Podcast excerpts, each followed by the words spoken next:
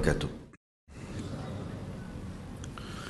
Alhamdulillah Terus menerus kita panjatkan kalimat ini kepada Zat yang Maha Esa Zat yang Maha berdiri sendiri Zat yang tidak ada Tuhan Yang berhak disembah kecuali dia Baik di langit maupun di bumi. La ilaha illallah. Zat yang maha hidup Tidak akan pernah mati selamanya. Zat yang selalu ada dari awal Dan juga akan selalu ada Sampai kapan pun Yang telah menggantungkan Bertambahnya nikmat Salah satu dari hambahnya Seperti kita ini manusia Dengan kalimat pujian Alhamdulillah juga kita panjatkan salawat dan taslim kepada Nabi sallallahu alaihi wasallam, manusia yang paling mulia, pemimpin anak Adam, pemilik syafaat kubra pada hari kiamat. Sebaik-baik panutan sebagaimana Allah juga malaikatnya memberikan salam kepada beliau dan juga sebagai tanda terima kasih kita karena perjuangan yang luar biasa selama 20, 23 tahun 13 tahun fase Mekah penuh dengan cacian, hinaan. Tapi beliau bersabar memperjuangkan dakwah dan agama ini. Kemudian 10 tahun terakhir di Madinah, fase di mana beliau menyempurnakan agama Allah Subhanahu wa taala. Sampai turun firman Allah surah Al-Maidah ayat 3. A'udzu billahi minasyaitonir rajim. Al-yawma akmaltu lakum dinakum wa atmamtu 'alaikum ni'mati wa raditu lakumul Islam madina. Hari ini Kata Allah SWT, aku sempurnakan agama kalian, aku sempurnakan nikmatku pada kalian dan aku ridho Islam sebagai agama kalian. Maka sangat wajar kita membacakan Assalatu wassalam ala nabiyina Muhammadin wa alihi wa sahbi ajma'in. Kesempatan ini insya Allah teman-teman sekalian seperti biasa setiap bulannya kita akan masuk ke dalam kehidupan manusia-manusia yang telah sukses. Baik di kehidupan dunia maupun di kehidupan akhiratnya. Manusia-manusia yang paling layak dijadikan contoh mereka bukan artis mereka bukan hanya sekedar kepala suku atau seorang profesor di kampus tapi manusia-manusia yang tidak punya gelar akademik mereka telah mencapai apa yang diinginkan oleh orang yang mengejar akademik dari ilmu yang tinggi, pendapatan yang besar, nama yang harum. Mereka juga mencapai tingkatan-tingkatan pendapatan yang sangat besar walaupun mereka tidak punya ijazah bisnis. Dan yang luar biasanya mereka memiliki kesuksesan plus di akhirat dengan adanya jaminan-jaminan dari Nabi kita Muhammad sallallahu alaihi wasallam bahwasanya mereka termasuk ahli surga. Mereka lah para sahabat, ikhwan dan akhwat rahiman rahimakumullah. Dan di awal pembukaan kisah kita tentang sahabat yang mulia Talha bin Ubaidillah radhiyallahu anhum saya akan kembali mengingatkan tentang ciri khas para sahabat. Apa yang membuat para sahabat itu bisa terbentuk pribadinya sampai mereka mencapai prestasi-prestasi yang luar biasa tidak bisa dibayangkan gitu prestasi kaya rayanya dari sisi materi prestasi kecerdasan dari sisi kepintaran kemudian prestasi mereka dalam berumah tangga memiliki keturunan pasangan yang baik kemudian juga prestasi nama harum prestasi ya, keberanian keperkasaan di kancah peperangan prestasi-prestasi yang sangat banyak sekali. Kira-kira apa kata rahasianya? Sampai para sahabat bisa mencapai derajat itu.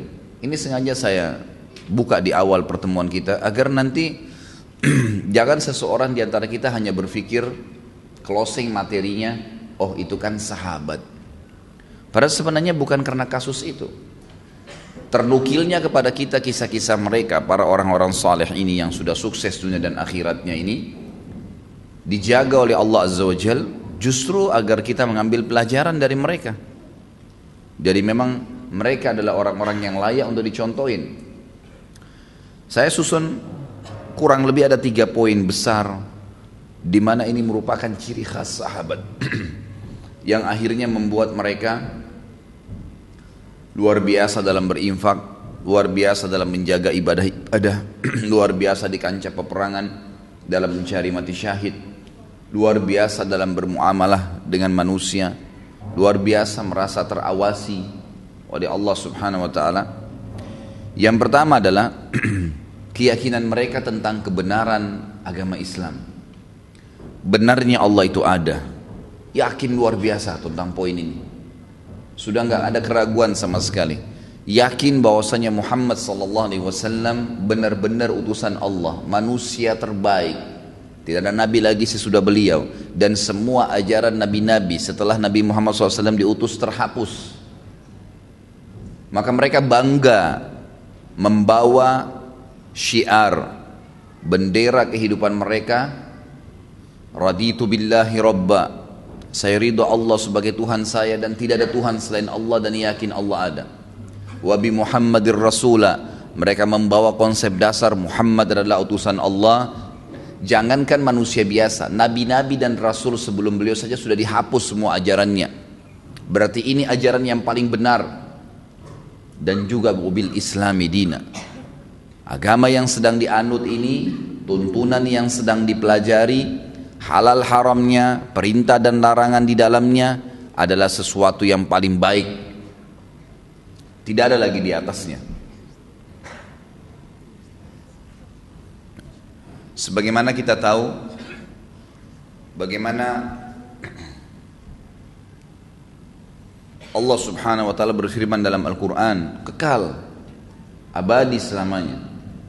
Selama kehidupan di dunia ini masih ada, Al-Quran belum diangkat oleh Allah subhanahu wa ta'ala, maka tetap firman ini akan ditilawakan.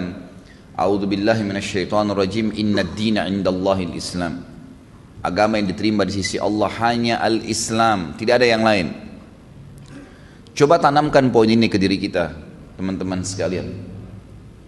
Tuhan yang satu hanya Allah. Maksudnya apa? yang menciptakan, yang mengurus, yang mengawasi, yang memusnahkan semua yang kita lihat dan tidak kita lihat di langit dan di bumi hanya satu, Allah. Maka hanya takut, hanya bergantung, hanya meminta, hanya memohon kepada Dia. Tidak ada yang lain. Ini asas yang sangat kuat dalam jiwa para sahabat.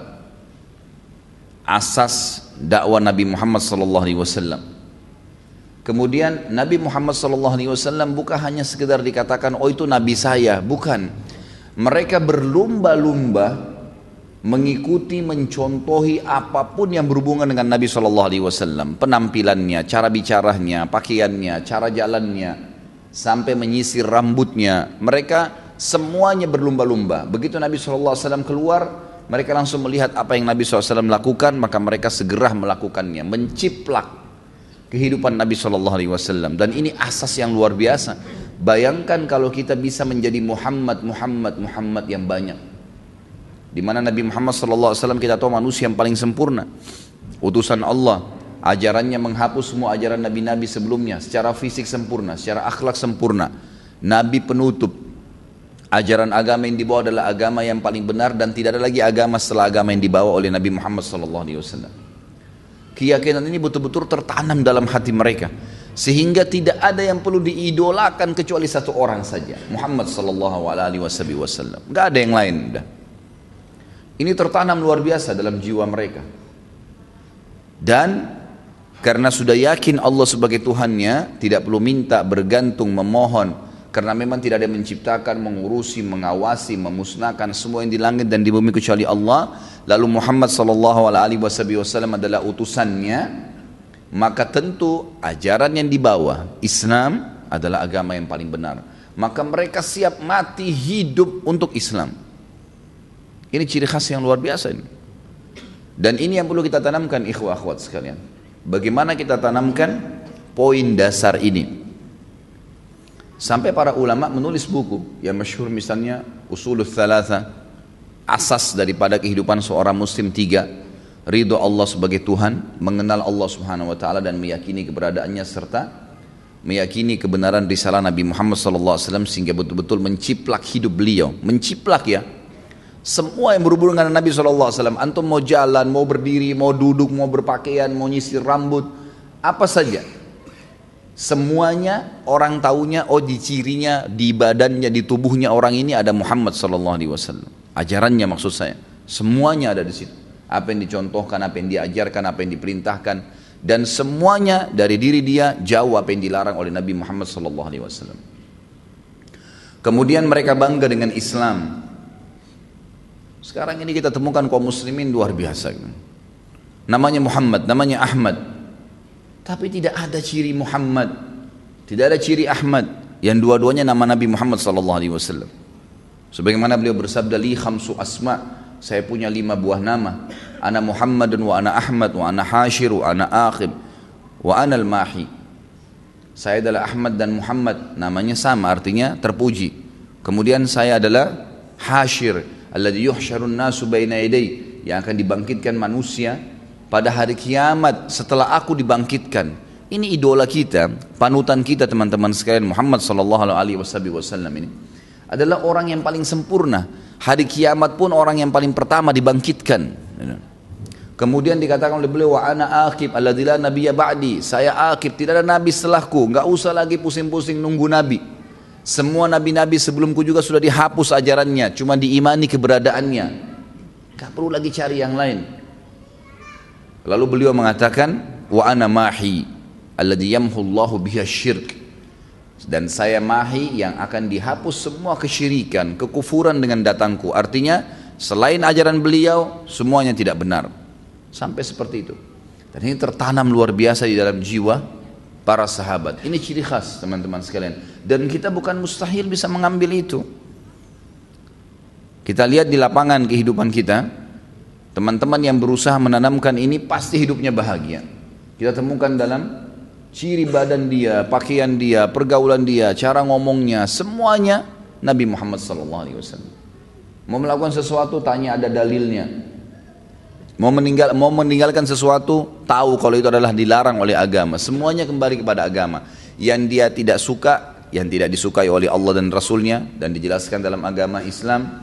Yang dia suka adalah yang disuka oleh Allah dan Rasulnya dan juga diperintahkan atau dituntunkan dalam agama dalam agama Islam. Ini ciri khas yang luar biasa. Sehingga mereka tidak perlu lagi ragu dengan tuntunan yang ada dan tidak butuh tambahan tuntunan yang lainnya. Yang kedua, ciri khas sahabat adalah keseriusan dalam mengejar janji-janji Allah Azza wa.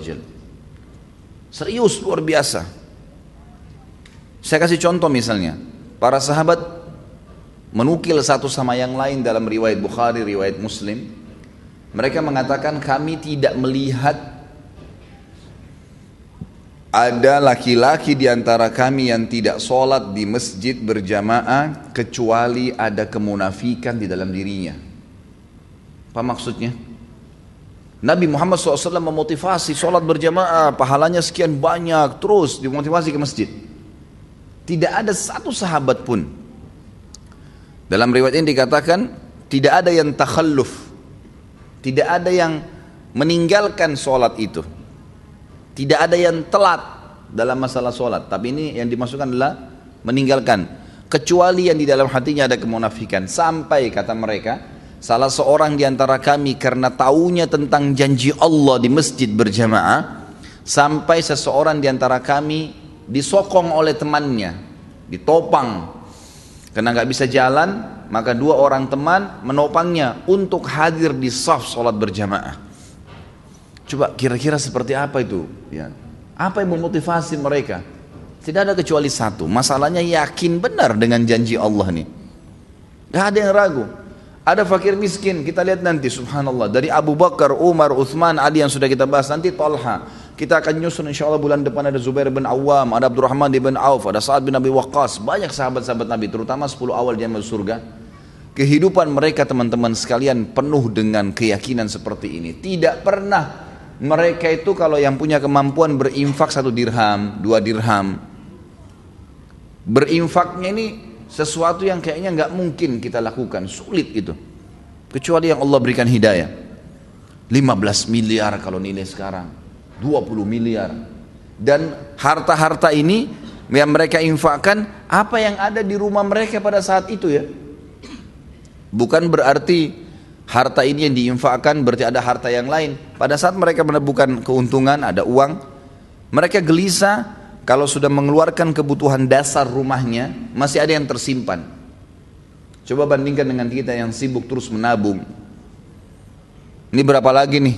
Dari sejuta, kapan jadi 10 juta? 10 juta kapan jadi 100 juta? 100 juta kapan jadi 1 miliar? Tidak ada infak yang dikeluarkan, tidak ada sedekahnya.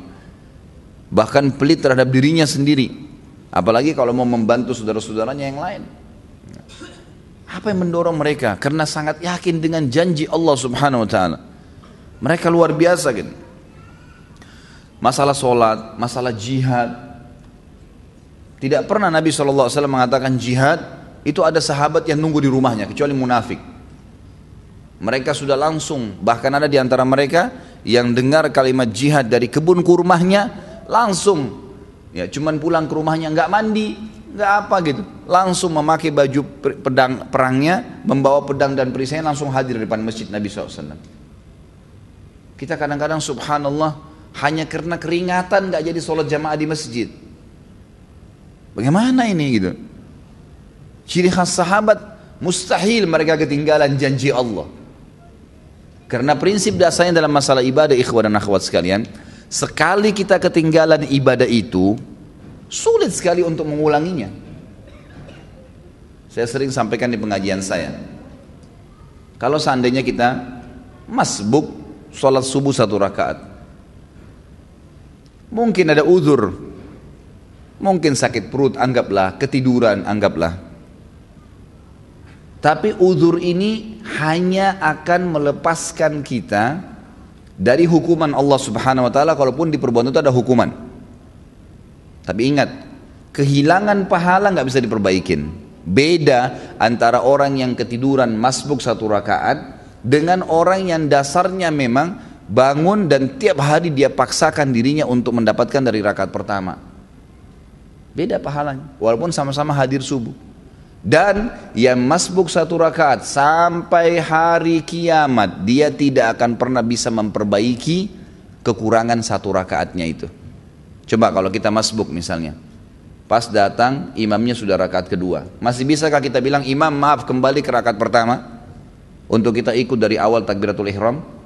Gak bisa. Berarti orang yang ikut dari awal sama imam dari Allahu Akbar sudah dicatat pahala oleh malaikat. Dari iftitah sudah ada pahalanya. Dari Al-Fatihah sudah ada pahalanya. Dari do, uh, uh, surah yang dibaca ada pahalanya. Ruku ada pahalanya. Gerakan dan bacaannya. Itidalnya. Kemudian terus satu rakaat sujudnya. Bukankah kata Nabi SAW. Ya, tidak ada seorang pun yang sujud satu kali untuk Allah. Kecuali Allah akan tinggikan derajatnya. Waktu seorang sahabat berkata, Ya Rasulullah. Saya ingin bersama dengan anda di surga. Kata Nabi SAW, ada yang lain kau minta? Dia bilang, tidak ada ya Rasulullah. Itu saja, saya ingin bersama anda di surga. Pandu saya untuk itu. Kata Nabi SAW, bantu saya agar kamu bisa bersama saya di surga dengan memperbanyak sujud. Sekali kita kehilangan sujud, tidak bisa diperbaiki. Nanti kita sujud memang. Ya, tetapi kata para ulama, orang yang masbuk, yang dia dapat berjamaah, dapat pahala jamaah, gitu kan? yang dia masbuk yang tersisa, itu akan mendapatkan pahala yang bukan berjamaah lagi. Artinya berkurang kan gitu. Dosakah dia? Tidak dosa. Nggak ada hukuman di depan Allah SWT karena dia ada uzur ya. Tetapi perlu jeli teman-teman sekalian memahami bahwasanya tidak bisa terulang peluang ibadah itu.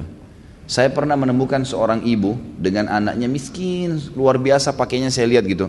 Saya habis ta'lim di kampung Melayu. Kemudian saya keluar, dia beri isyarat minta uang gitu. Saya memang sudah niat mau membantu. Saya bilang sebentar bu ya, karena saya lihat ibu itu duduk di bawah pohon gitu. Saya memang sudah niat mau memberikan apa yang saya dapatkan dari ceramah diberikan oleh majelis taklimnya. Kemudian saya saya sholat dulu bu, buru-buru karena saya takut iqomah waktu itu sudah azan. Saya pun pergi ke sana, kemudian saya sholat berjamaah. Saya lupa nih kalau ada yang minta tadi, habis sholat duhur, saya selesaikan juga sholat nafilahnya di situ dia duhur, baru saya pulang, baru saya kembali. Mobil saya saya parkir kebetulan di dekat majlis salim dan dekat pohon yang ada ibu minta-minta tadi. Subhanallah tuh saya kembali, tiba-tiba saya lihat pohon tersebut, saya teringat, oh ada tadi ibu yang minta nih. Mana dia? Saya cari nggak ada. Cari keliling nggak ada. Sampai saya naik mobil saya tiga kali ikhwah. Akhwat sekalian putar balik di situ. Nyari ibu itu mana? Sudah nggak ada, sudah pergi. Pada saat itu subhanallah Allah masukkan dalam hati saya penyesalan yang luar biasa. Khalid berapa menit tadi itu? Berapa detik kamu korek kantong kamu untuk kasih ke fakir miskin ini? Sekarang dia sudah pergi. Kamu mau dapat pahala dari mana dari orang ini lagi? Tiga kali saya putar nggak ketemu sama orang itu. Semenjak itu ikhwah akhwat sekalian saya tidak pernah tunda. Kapan ada kesempatan tidak boleh ditunda. Karena ini tidak bisa terulang lagi gitu kan. Nabi kita Muhammad SAW dalam hadis Bukhari selesai sholat asar tiba-tiba berdiri dengan sangat cepat lalu melewatin para sahabat ke rumah beliau sahabat semua heran kata para sahabat yang memberikan hadis ini kami heran melihat cepatnya gerakan Nabi SAW Gak lama kemudian sahabat masih berzikir Nabi SAW kembali lagi dengan tenang lalu duduk kembali menyambung zikirnya Para sahabat bertanya ya Rasulullah, mudah-mudahan ada kebaikan. Kenapa tadi anda melakukan gerakan begitu cepat? Apa kata Nabi SAW? Perhatikan. Kata Nabi SAW, tadi sebelum sholat asar, saya sudah mengumpulkan sesuatu yang ingin saya keluarkan, yang ingin saya bagikan, saya infakkan, saya sodakahkan. Namun, saya tadi tersibukkan tidak sempat saya keluarkan sebelum sholat. Maka saya ke, ke, ke rumah saya, kemudian saya membagikannya seperti yang saya inginkan lalu saya kembali berzikir jadi Nabi SAW pada saat lupa ingat langsung menyelesaikan lalu kembali lagi berzikir. Bayangkan ya bagaimana cepatnya Nabi SAW mengerjakan sebuah amal soleh jangan ketinggalan ikhwah akhwat sekalian. Puasa Senin Kamis. Kenapa antum gak puasa nih? Saya masih bingung kenapa ada orang gak puasa. Antum mati kalau puasa. Alasannya hanya karena panas, alasannya hanya karena kantor. Lalu kapan panas itu hilang? Gak bakal hilang. Tapi sekali Senin antum gak puasa, maka di buku amal antum nanti sampai hari kiamat kosong dari puasa Senin tuh, rugi sendiri. Ini butuh butuh sebuah keyakinan, ada janji Allah di situ. Dan maghrib nggak ke mana-mana, akan datang maghrib itu, akan datang maghrib. Kita akan buka puasa, Allah bukan mendolimi hambanya. Syaitan akan terus membisikkan dari pertama kita mau sahur atau bahkan mungkin tidak sahur, kamu tidak sahur nanti lemas. Itu semua godaan syaitan tepis. Manusia itu bisa hidup tanpa makan, tanpa minum minimal tiga hari. Tidak makan, tidak minum bisa hidup tiga hari. Gak usah antum khawatir gitu. Apalagi maghrib nanti sebentar. Nanti sampai lima detik, sedetik pun sebelum azan, syaitan masih godain supaya batalin puasanya. Dan dia akan kalah pada saat dengar azan, antum minum. Makanya kata Nabi SAW, ini farhatan. Orang yang puasa punya dua kemenangan dan kegembiraan. Farhatun inda fitri, gembira yang dia dapatkan pada saat buka puasa. Di sini makna hadisnya bisa berarti kegembiraan pada saat dia minum karena hausnya hilang bisa kegembiraan karena dia berhasil mengalahkan syaitan. Dia akan dapat pahalanya. Wa farhatun inda liqa'i rabbi dan kegembiraan pada saat dia bertemu dengan Tuhannya. Lagi lampu merah, lagi ada waktu lowong. Seperti antum sibuk membaca SMS, WhatsApp, BBM, Coba lowongkan di antara waktu-waktu antum sehari berapa kali buka HP, baca Al-Quran. Baca Al-Quran. Lima ayat, sepuluh ayat, Coba lihat nanti jeda waktu saja antara azan dan iqamah atau jeda waktu lagi nunggu azan kalau antum lagi di kantor. Atau jeda waktu selesai pekerjaan duduk sebentar habis minum air. Coba lowongkan waktu. Antara minum air hitung detiknya pakai stopwatch. Minum air. Anggap 15 detik. 15 detik antum pakai baca Al-Quran. Coba lihat berapa ayat yang antum dapatkan. Baca. Kalau tidak kapan nih? Ingat dalam ibadah harus dipaksakan. Baru bisa. Kalau kita tidak paksakan diri kita, tanda kutip, tidak paksakan sholat malam, tidak paksakan berpuasa, tidak paksakan bersedekah, tidak paksakan mengambil Quran dari rak atau membuka ya, aplikasi Quran di HP dan dibaca, tidak paksakan menjenguk orang sakit, tidak paksakan hadir di majelis ilmu, tidak bakal pernah bisa. Karena syaitan selalu menghambat kita. Allah mengingatkan dalam Al-Quran masalah itu. A'udhu billahi minasyaitonir rajim walladzina jahadu fina lanahdiyannahum subulana. Orang-orang yang jahadu fina artinya berusaha memaksakan diri menuju ke perintah-perintah kami, jalan-jalan kami, meninggalkan larangan-larangan kami, maka kami akan pandu dia menuju ke jalan-jalan kami. Lanahdiyannahum subulana. Kami mudahkan mereka untuk mengamalkannya. Jadi ini butuh sekali pemahaman. Ini ciri khasnya sahabat. Sangat yakin dengan janjinya Allah. Gak ada yang bagi mereka harus hilang kesempatan itu. Ingat asas pertama dulu keyakinan tentang kebenaran Allah, Rasul dan Islam ini. Kemudian muncul dengan sendirinya keyakinan yang muncul adalah benarnya janji Allah Subhanahu wa taala. Dan yang ketiga adalah ciri khas yang luar biasa, keseriusan mereka dalam menjauhi menjauhi ya. Apalagi meninggalkan larangan-larangan Allah. Luar biasa mereka dalam meninggalkan larangan Allah ini. Bisa dikatakan yang melakukan kesalahan dalam kehidupan sahabat itu dihitung jari. Individu tertentu itu pun dilakukan sekali, dua kali. Gak ada dosa yang dibuat bermalam, berbulan-bulan, berminggu-minggu. Karena mereka tahu benar ancaman Allah pasti ada di situ. Ingat, dosa seperti segelas racun. Kalau kita minum dalam kondisi tahu itu racun, akan berbahaya. Jelas akan mematikan, merusak organ tubuh kita. Dalam kondisi kita tidak tahu, tetap berbahaya. Tetap berbahaya. Zina berbahaya ikhwan dan akhwat sekalian. Allah mengatakan wala takrabuz zina. Makanya jangan dekatin. Jangan mulai telepon, jangan mulai SMS, jangan mulai melakukan yang mengundang zina itu. Innahu fahishatan wasa'a sabila. Itu keburukan yang sangat berbahaya buat kalian dan seburuk-buruk jalan. Setan buka kita buka juga pintu itu. Berapa banyak ikhwan dan akhwat juga kena fitnah seperti ini. Padahal Allah bukakan pintu nikah. Sibukkan diri dengan puasa sibukkan diri dengan ibadah jauhi tontonan jauhi dengaran tidak ada orang yang terbagikan syahwatnya tanpa sebab tanpa pemicu dia tonton yang tidak benar maka muncul syahwatnya, membayangkan yang tidak-tidak. Tidak mungkin muncul syahwatnya tanpa mendengar sesuatu. Tidak ada orang dengar Quran itu syahwatnya bangkit. Gak ada orang hadir majelis taklim begini dan disampaikan ilmu syahwatnya bangkit. Gak mungkin kan? Kapan syahwatnya bangkit? Kalau yang didengar itu lagu-lagu cinta, lagu-lagu yang tidak masuk di akal yang membangkitkan syahwat. Untuk apa ini? Allah mengatakan dalam Al-Quran, Inna sam'a wal basara wal fuada kullu ulaika kana anhu mas'ula Hati-hatilah pendengaran kalian, penglihatan kalian, hati kalian bertanggung jawab semuanya pada hari kiamat. Allah nggak kasih kita mata ini untuk melihat yang haram. Allah nggak kasih kuping untuk dengar yang haram. Allah nggak kasih lisan untuk mengucapkan yang haram. Tangan untuk menjama yang haram. Kaki melangkah yang haram. Kemaluan ditumpahkan yang haram. Allah kasih kita fasilitas untuk lihat yang baik, telinga dengar yang baik. Ingat, anggota tubuh kita ini, kata para ulama, kalau makin sering kita sibukkan dengan ibadah, mata melihat yang benar, yang Allah bolehkan, telinga dengar yang benar, mulut mengucapkan yang benar, maka semua anggota tubuh ini, hati makin sering dilunakkan dengan ayat-ayat Al-Quran dari pendengaran, dari penglihatan. Hati kan terpengaruh dengan tiga anggota tubuh ini.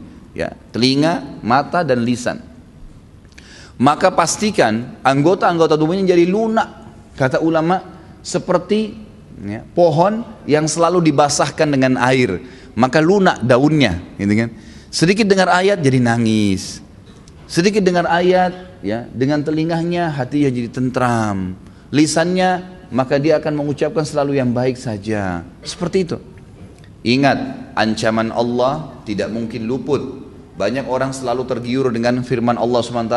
Inna Allah ghafurur rahim. Allah maha pengampun. Tapi lupa. Wa inna Allah syadidul iqab. Dan Allah berat siksaannya. Ya.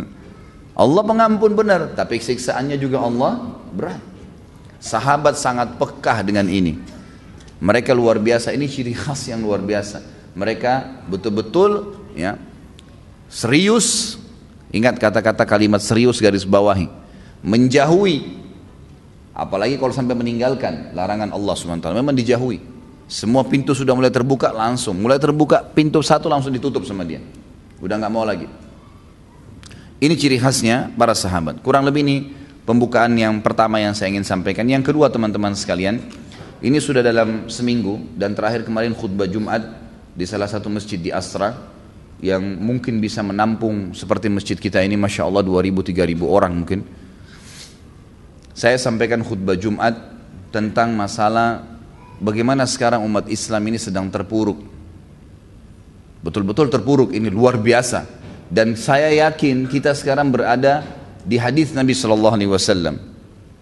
Kata Nabi Shallallahu Alaihi Wasallam, "Yushaku antada alaikumul umam kama tada al akalatu ila qas'atiha." Nanti akan datang satu zaman di mana ya, kata Nabi Shallallahu Alaihi Wasallam, umat-umat ini non Muslim atau orang yang mengaku Islam tapi sebenarnya bukan orang Islam akan mengeroyoki kalian sebagaimana belatung atau ulat memanggil teman-temannya untuk mengeroyokin makanan di nampan. Kata para sahabat, ya Rasulullah, amin killatin nahnu yawma idin. Wahai Rasulullah, dulu kami pada saat itu, ya, atau nanti pada saat itu, apakah kami jumlahnya sedikit? Kenapa sahabat bilang seperti itu? Karena sahabat selalu sudah terbiasa dengan janji Allah bahwasanya orang kalau berperang, orang kalau beriman pasti Allah SWT menyebutkan dalam banyak Al-Quran wa haqqan alaina nasrul mu'minin kami pasti memberikan kemenangan kepada orang-orang yang beriman. Wal taqwa. Pasti kesudahan itu kemenangan terakhir untuk orang-orang yang bertakwa. Enggak ada yang lain. Mereka sangat yakin dengan itu. Sementara jumlah sahabat sangat sedikit waktu itu dibandingkan jumlah orang-orang kafir.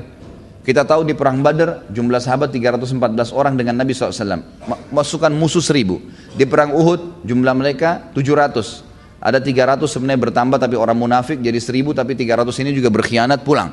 Sisa 700 melawan 3000. Kita tahu di perang Ahzab jumlah kaum muslimin yang siap perang waktu itu kurang lebih kurang lebih sekitar 2000 orang yang siap perang itu pun lemah maka dibuat parit gitu kan. karena kondisi mereka waktu itu bagi kekurangan makanan musim peceklik lalu kemudian datang Abu Sufyan ya mohon maaf waktu itu musim dingin sehingga hasil panennya kurang Kemudian Abu Sufyan datang dengan seluruh suku Arab 10 ribu orang melawan 2 ribu.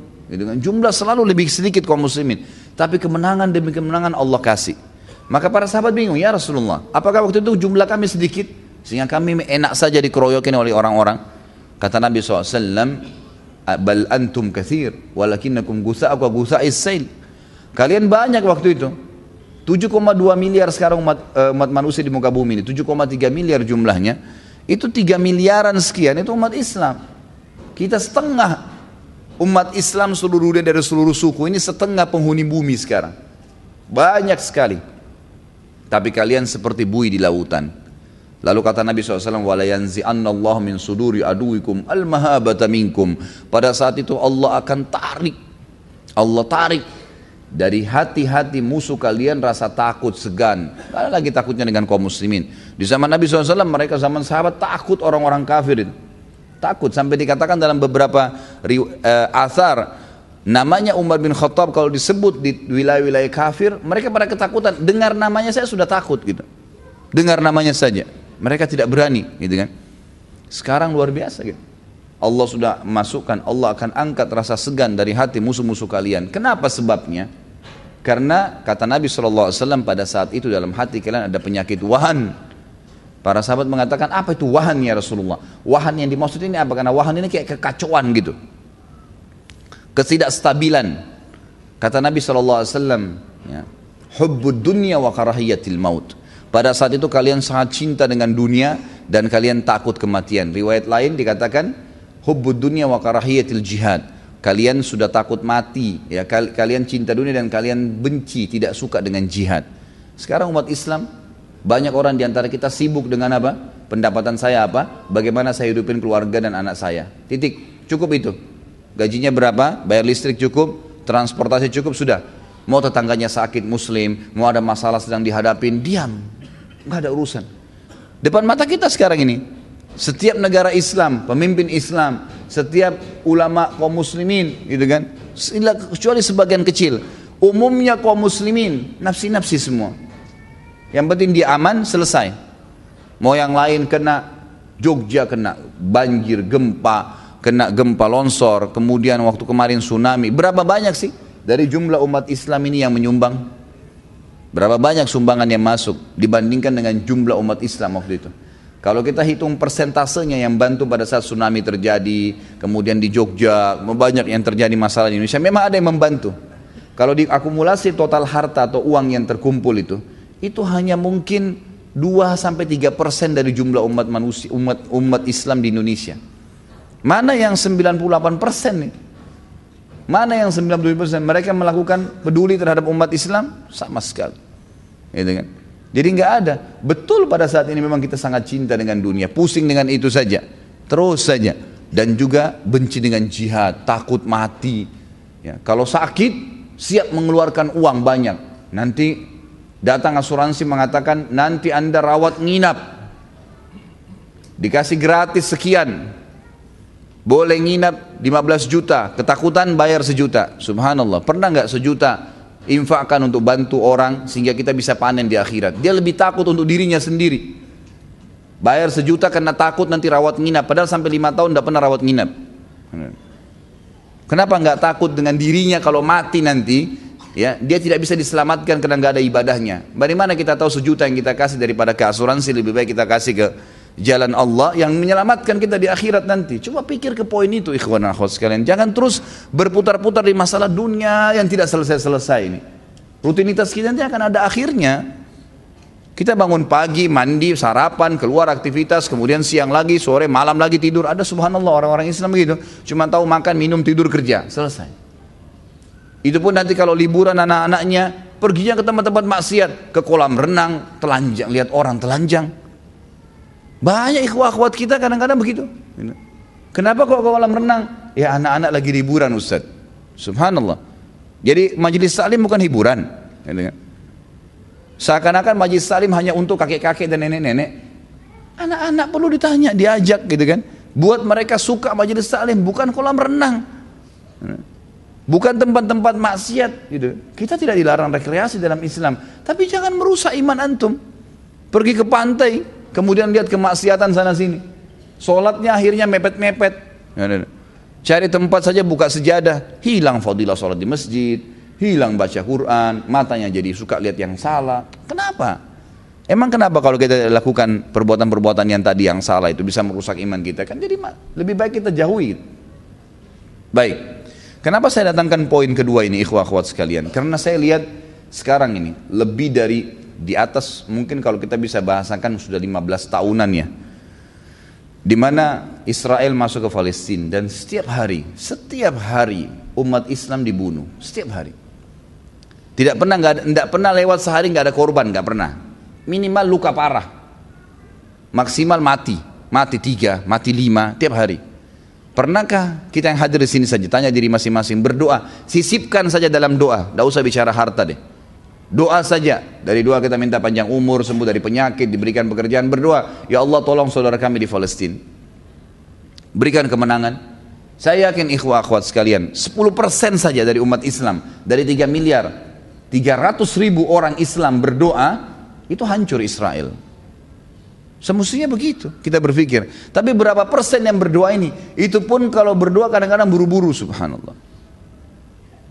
Sekarang umat Islam dirusak, diperangi dari dalam oleh orang Yahudi sendiri. Tapi berkedok Islam. Itulah Syiah.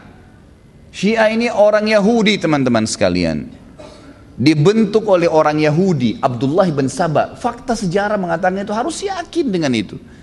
Kita punya buku-bukunya, fakta-faktanya Abdullah bin Sabah orang Yahudi pura-pura masuk Islam dan di zaman Uthman bin Affan dia menyebarkan fitnah mengatakan bahwasanya ya, Abu Bakar sama Umar sengaja mengambil khilafahnya Ali.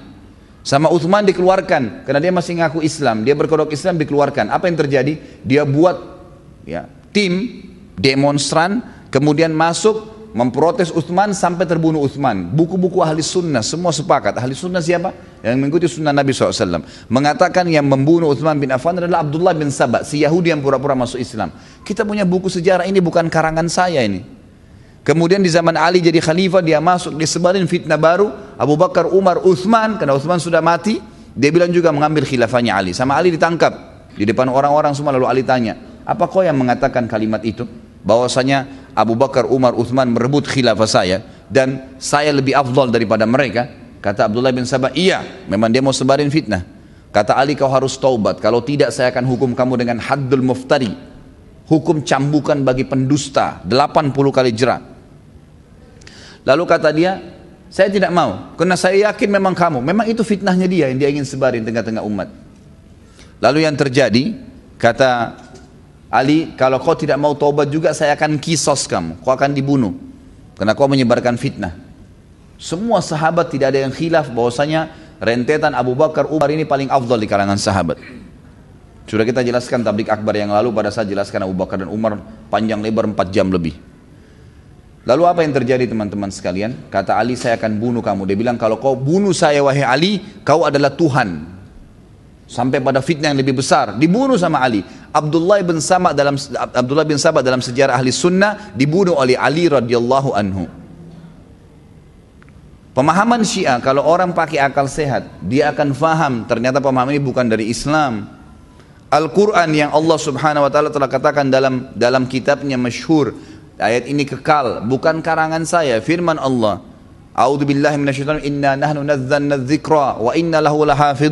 Kami turunkan az-dzikra yakin Al-Qur'an sempurna dan kami akan menjaganya. Tidak ada satu huruf pun dimasukkan kecuali pasti akan terbongkar. Enggak mungkin. Dijaga oleh Allah Subhanahu wa taala. Itu ciri khasnya Al-Qur'an. Dan ini ulama semua sudah sepakat dinukil banyak riwayat berhubungan dengan masalah ini. Kemudian mereka mengatakan tidak, Quran ini kurang. Allah bilang dijaga, kau bilang kurang. Siapa kamu itu? Berani benar ngomong begitu. Kemudian mereka lagi menghardik sebenarnya tujuan tujuannya Abdullah bin Sabah ingin menghina Nabi Muhammad wasallam langsung. Tapi dia tidak bisa. Kalau dia hina langsung Nabi Muhammad SAW ketahuan kedoknya. Maka dia hina orang-orang yang terdekat dengan Nabi SAW. Abu Bakar dan Umar. Siapa dua orang ini? Sepuluh orang jamaah surga. Mertua Nabi Wasallam. Apakah mereka lebih hebat dari Nabi? Nabi maksudnya Sallallahu Alaihi Wasallam salah pilih mertua.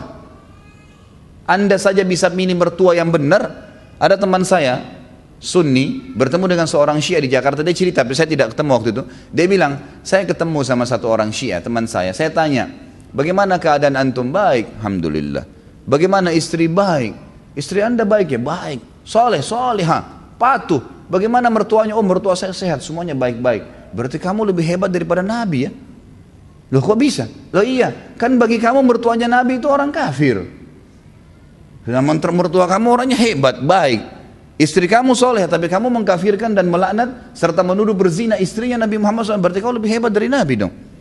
Diam dia tiba-tiba nggak bisa ngomong. Pemahaman yang tidak masuk di akal sudah. Anehnya ada umat Islam yang terpengaruh. Kafirkan sahabat. Lalu simbolnya cinta ahlil bait. Demi Allah teman-teman sekalian mereka tidak cinta ahlil bait. Dusta. Yang mencintai ahli bait adalah ahli sunnah yang sebenarnya. Kita mengatakan Ali radhiyallahu anhu. Adakah ahli sunnah yang mengatakan Ali bukan sahabat? Adakah pernah ahli sunnah berani mengatakan Ali itu kafir atau salah? Gak pernah. Empat jam tablik kabar kita kemarin semuanya kelebihannya Ali radhiyallahu anhu. Bagaimana pujian sahabat terhadap beliau dan kita selalu memuji beliau dan kita yakin khalifah Rashid yang keempat masuk dalam keemasan ya keempat dari dari masa keemasan Islam di awal yaitu Khulafaur Rashidin yang kata Nabi SAW berpegang pada sunnahku dan sunnah Khulafaur Rashidin setelahku. Fatimah Al-Batul radhiyallahu anha kita selalu memuji mengatakan radhiyallahu anha. Hasan dan Husain kita mengakui sabda Nabi SAW Sayyidu Syabab Ahli Jannah pimpinan anak mudanya surga itu pernyataan ahli sunnah. Husain terbunuh di Karbala kita mengatakan Husain mati syahid yang membunuhnya zalim Nggak ada ahli sunnah mengatakan Husain kafir misalnya kita membenci. Ini kan sekarang dibuat kesannya di tengah-tengah umat oleh orang-orang Yahudi yang, membuat pemahaman ini. Kesannya kita ini membenci Ali, membenci ahli bait, membenci Hasan Husain. Dari mana ini? Tidak ada pemahaman yang bentrok antara ahli sunnah dengan Syiah yang sekarang mereka angkat simbolnya. Nggak ada. Gitu kan? Kitab ahli bait kita hormatin. Bahkan mereka hanya membatasi ahli bait hanya kepada Ali, Hasan, Husain dan Fatimah. Sementara hadis sunnah lebih global. Istri-istri Nabi juga masuk dalam keluarga Nabi SAW. Terbukti kita tahu dalam riwayat Bukhari. Tentu orang Syiah tidak yakin riwayat ini dan kita tidak peduli dengan itu. Kita punya sanat yang jelas dalam riwayat Bukhari. Salah satu salawat yang kita dianjurkan baca sebelum salam, selain Allahumma salli ala Muhammadin wa ala ali Muhammad kama sallaita ala Ibrahim wa ala ali Ibrahim dan seterusnya ada juga Allahumma salli ala Muhammadin wa azwajihi wa dhurriyyatihi kama sallaita ala ali Ibrahim Ya Allah berikanlah salam untuk Muhammad sallallahu alaihi wasallam dan istri-istrinya serta juga keturunannya ini salah satu salawat yang kita yakini kebenarannya ada istri masuk di sini gitu kan Antum sekarang bahasa Indonesia deh, secara akal sehat. Kalau lagi buat kartu keluarga, istri masuk dalam keluarga nggak? Orang Syiah kalau ditanya itu dia bingung jawab tuh. Istri antum masuk dalam keluarga nggak? Masuk. Bahkan setelah nama kepala keluarga si laki-laki langsung istrinya bagian daripada keluarga itu. Jelas, gitu kan? Kalau kita mengatakan masuk dalam keluarga, bagaimana caranya tidak? Secara akal sehat saja, itu sudah jelas. Ada statement bahkan yang hampir mereka sepakati mereka mengatakan Nabi Muhammad kita mengatakan sallallahu alaihi wasallam Allahu alam mereka mereka mengatakan statement bahwa saya Nabi Muhammad sallallahu alaihi wasallam masuk surga tapi kemaluannya di neraka statement itu dilempar alasannya kena menikah dengan Aisyah siapa kamu itu di zaman Nabi wasallam turun firman Allah kekal dalam Al-Qur'an surah An-Nur ayat 2 dan ayat 23 pada saat Aisyah difitnah oleh pimpinan munafikin Abdullah bin Abi Salul. Kemudian dia mengatakan bahwasanya Aisyah berzina dengan Safwan. Turun surah An-Nur menyuruh Nabi SAW mencambuk mereka karena mengatakan Aisyah berzina. Ada beberapa sahabat yang dicambuk termasuk pimpinan munafikin itu. Sekarang mereka ulangi lagi perkataan itu. Kata Imam Az-Zahabi dan ulama-ulama sunni yang lainnya mengatakan siapa pun yang mengatakan Aisyah berzina mengikuti konsep awalnya Sebelum turun surah An-Nur, maka hukumnya berlaku surah An-Nur pada mereka. Ikut-ikutan tetap dicambuk 80 jerah. Gitu kan? Kalau mengkafirkan sahabat berarti dia yang kafir. Karena kata Nabi SAW, tidak ada seseorang pun yang mengatakan kepada saudaranya muslim kafir kecuali akan kembali ke salah satunya. Kira-kira kalau ketemu Abu Bakar dengan satu orang dari orang Syiah ini, siapa yang kita mau katakan kafir? Bagaimana bisa mau dikatakan sahabat Nabi kafir? Hidup melihat Nabi, melihat Nabi dengan mata kepala saja Sallallahu Alaihi Wasallam sudah sebuah fadilah. Definisi sahabat harus lihat Nabi dengan mata kepala, harus beriman pada beliau pada saat itu dan meninggal dalam keyakinan itu baru dikatakan sahabat. Kita tahu ada orang-orang seperti Uwais Al-Qarni, gitu kan? Kemudian Shuraih Al-Qadi, ada beberapa yang dikenal dengan tabi'in besar dalam buku-buku ahli sunnah yang kita jadikan rujukan dan punya sanat yang jelas mereka hidup di zaman Nabi SAW beriman pada Nabi menjadi orang soleh yang luar biasa. Sampai tidak kenal kisah Uwais Al-Qarni sampai tidak kenal kisah Shuraih Al-Qadi yang terkenal dengan kesolehan mereka kezuhudan mereka. Tapi karena tidak pernah lihat Nabi SAW dengan mata kepala maka dikatakan dia galangan, kalangan tabiin bukan kalangan sahabat. Jadi nggak gampang itu. Mencapai derajat sahabat. Ini nggak dikafirkan. Kenapa? Abdullah bin Sabah tahu asas kita adalah Al-Quran. Dikatakan Al-Quran itu kurang. Asas kita menerima hukum Allah dari mana? Dari Nabi SAW. Nabi ajarkan ke siapa? Dari sahabat. Kalau sahabat dipangkas oleh mereka, maka otomatis mereka harus punya sumber lain yang sampai kepada Nabi. Di karang-karang riwayat yang tidak jelas sanatnya. Jadi ini jelas pemahaman dari orang Yahudi di tengah-tengah umat Islam yang masuk tengah umat Islam untuk memerangi kaum muslimin. Orang bodoh yang ngikutin itu. Dan ini tidak boleh didiamkan. Subhanallah di negara-negara yang ada ahli sunnah tidak pernah ahli sunnah membunuh satupun orang syiah kecuali buat makar. Tidak pernah. Di Saudi mereka kalau yang berfaham syiah dikenal dengan Houthi itu mereka masih punya warga negara. Di Indonesia selama mereka tidak buat makar pernah ahli sunnah ganggu syiah? Nggak pernah. Tapi pada saat mereka memimpin ikhwan dan akhwat sekalian, lihat di Syria 230 ribu jiwa ahli sunnah dibunuh karena pemahaman Yahudi dasarnya. Memerangi umat Islam memang. Gitu kan? Di Irak mereka membunuh 150 ribu jiwa termasuk Saddam Hussein yang mereka anggap selama ini memerangi mereka. Irak sekarang itu negara keduanya Iran. Kemudian mereka terakhir masuk ke Yaman membakar tidak kurang dari seribu masjid dan rumah-rumah tahfidz Quran serta kampus-kampus Islam ya itu kemudian diganti ditutup banyak yang dibunuh banyak yang diperangi subhanallah ini yang terjadi dan pendekatan orang-orang Syiah terakhir dengan pemerintah Yaman hampir sama dengan pendekatan orang Syiah sekarang dengan pemerintah kita. Hampir sama metodenya. Kalau pemerintah kita ini semoga Allah berikan hidayah tidak segera melihat mengambil pelajaran dari Yaman bukan mustahil terjadi hal yang sama. Mereka teman-teman sekalian masuk kepada pemerintah, presiden waktu itu nasionalis tapi ahli sunnah, didekatin. Selalu ada pertemuan intens, pergantian budaya, kemudian saling memberikan bantuan dan A, B, C, T seterusnya dikasih. Setiap pertemuan dititipin satu pesan. Kalau 100 pertemuan berarti 1000 pesan. Satu kalimat saja sudah 1000 kalimat, 100 kalimat kalau 100 pertemuan. Yang dimasukkan adalah ahli sunnah itu, tapi dia tidak katakan ahli sunnah. Kalau ahli sunnah kan berarti ahli sunnah. Dibuat momok yang lebih serem atau seram dianggap perlu dijauhi, wahabi. Ini wahabi nih, cirinya wahabi apa? Berjenggot, tidak isbal, sholat berjamaah di masjid, dahinya hitam. Ini orang-orang buruk atau baik dalam agama nih? Ahli sunnah, orang yang dahinya hitam karena sujud. Kalau sholat ke masjid, mereka tidak isbal karena Nabi melarang. Karena kalau tutup di bawah mata kaki masuk dalam neraka. Perempuannya berjilbab besar, bercadar, ini yang wahabi. Diangkat sama mereka, ini lihat teroris nih. Sama konsepnya dengan Yahudi di Israel, cuma ini Yahudi berkedok Islam, gitu kan. Ini lihat nih Wahabi menakutkan, teroris, mereka radikal, mereka tidak bolehkan ini, tidak bolehkan itu dan seterusnya. Apa yang terjadi ikhwah sekalian? Pemerintah Yaman nangkap-nangkapin tuh ulama-ulamanya ahli sunnah. Setelah ditangkap-tangkapin, orang Syiah sudah merasa tidak ada lagi gangguan. Yang terjadi apa? Mereka lalu membuat pasukan militan mengkudeta pemerintah. Baru berapa hari saja mereka kudeta pemerintah Yaman, mereka sudah pasang di jalan-jalan pelang-pelang besar, itu fotonya Khomeini. Siapa Khomeini? Coba antum baca di sejarahnya. Orang Yahudi. Subhanallah. Baru mau dikatakan ayatullah. Ayatullah dari mana ini? Ayat syaitan iya. Bagaimana caranya dikatakan ayatullah ini? Gitu.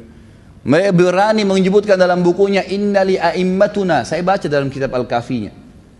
Manzilatan la yablughu malakul manzilatun la ya, la tablughu malakul mukarram wala nabiyyun mursal. Kami ini imam-imamnya Syiah punya kedudukan yang tidak mungkin dijangkau oleh para malaikat dan juga nabi-nabi. Maksudnya kedudukan apa ini? Allah, kedudukan ketuhanan. Orang harus faham kalimat-kalimat yang luar biasa. Fitnah-fitnah terus ditanamkan di tengah-tengah umat. Ini berbahaya sekali. Mereka lakukan lalu mereka mengeluarkan statement, nanti musim haji ini kami akan serang Mekah dan Madinah. Presiden Yaman tulis surat kepada negara-negara Turk di sekitarnya, enam negara termasuk Saudi, Raja Salman. Semoga Allah menjaga beliau. Coba bantu kami ini, diserang, gitu kan? Subhanallah di hari-hari sekarang orang-orang Syiah di Indonesia harus disampaikan nih kepada kaum muslimin dan sampaikan kepada semua orang sa intens menemui presiden dan wapres kita. Intens menemui mereka. Lalu kemudian tidak mungkin pertemuan tersebut tidak diberikan pemahaman, cekokan. Bantuan dari Iran ini segala dan sekarang ini ada ratusan ribu jumlahnya orang-orang yang masuk pengungsi dari Iran. Kenapa harus mengungsi di Indonesia? Negaranya nggak apa-apa, gitu kan? Ngungsi dibiayai hidupnya. Bagaimana ini bisa? Saya tidak mengatakan pemerintah kita salah ya. Sebab kita pasti ahli sunnah mendukung pemerintah. Yang salah kita ingatkan. Saya menganggap ini sebuah kekeliruan yang harus diingatkan. Itu mereka Syiah masuk ya. Bahkan ada beberapa teman-teman yang heran. Mereka-mereka ini kalau secara fisik bukan kayak manusia biasa. Kayak orang-orang yang sudah terlatih militer. Ngapain masuk ratusan ribu orang ke Indonesia?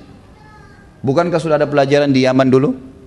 Bukankah MUI, MUI kita, bukan saya, MUI, MUI Indonesia yang sudah diakui dari segi, seluruh ormas Islam mengatakan bahwasanya Syiah sesat? Bukankah ulama-ulama sudah mengingatkan?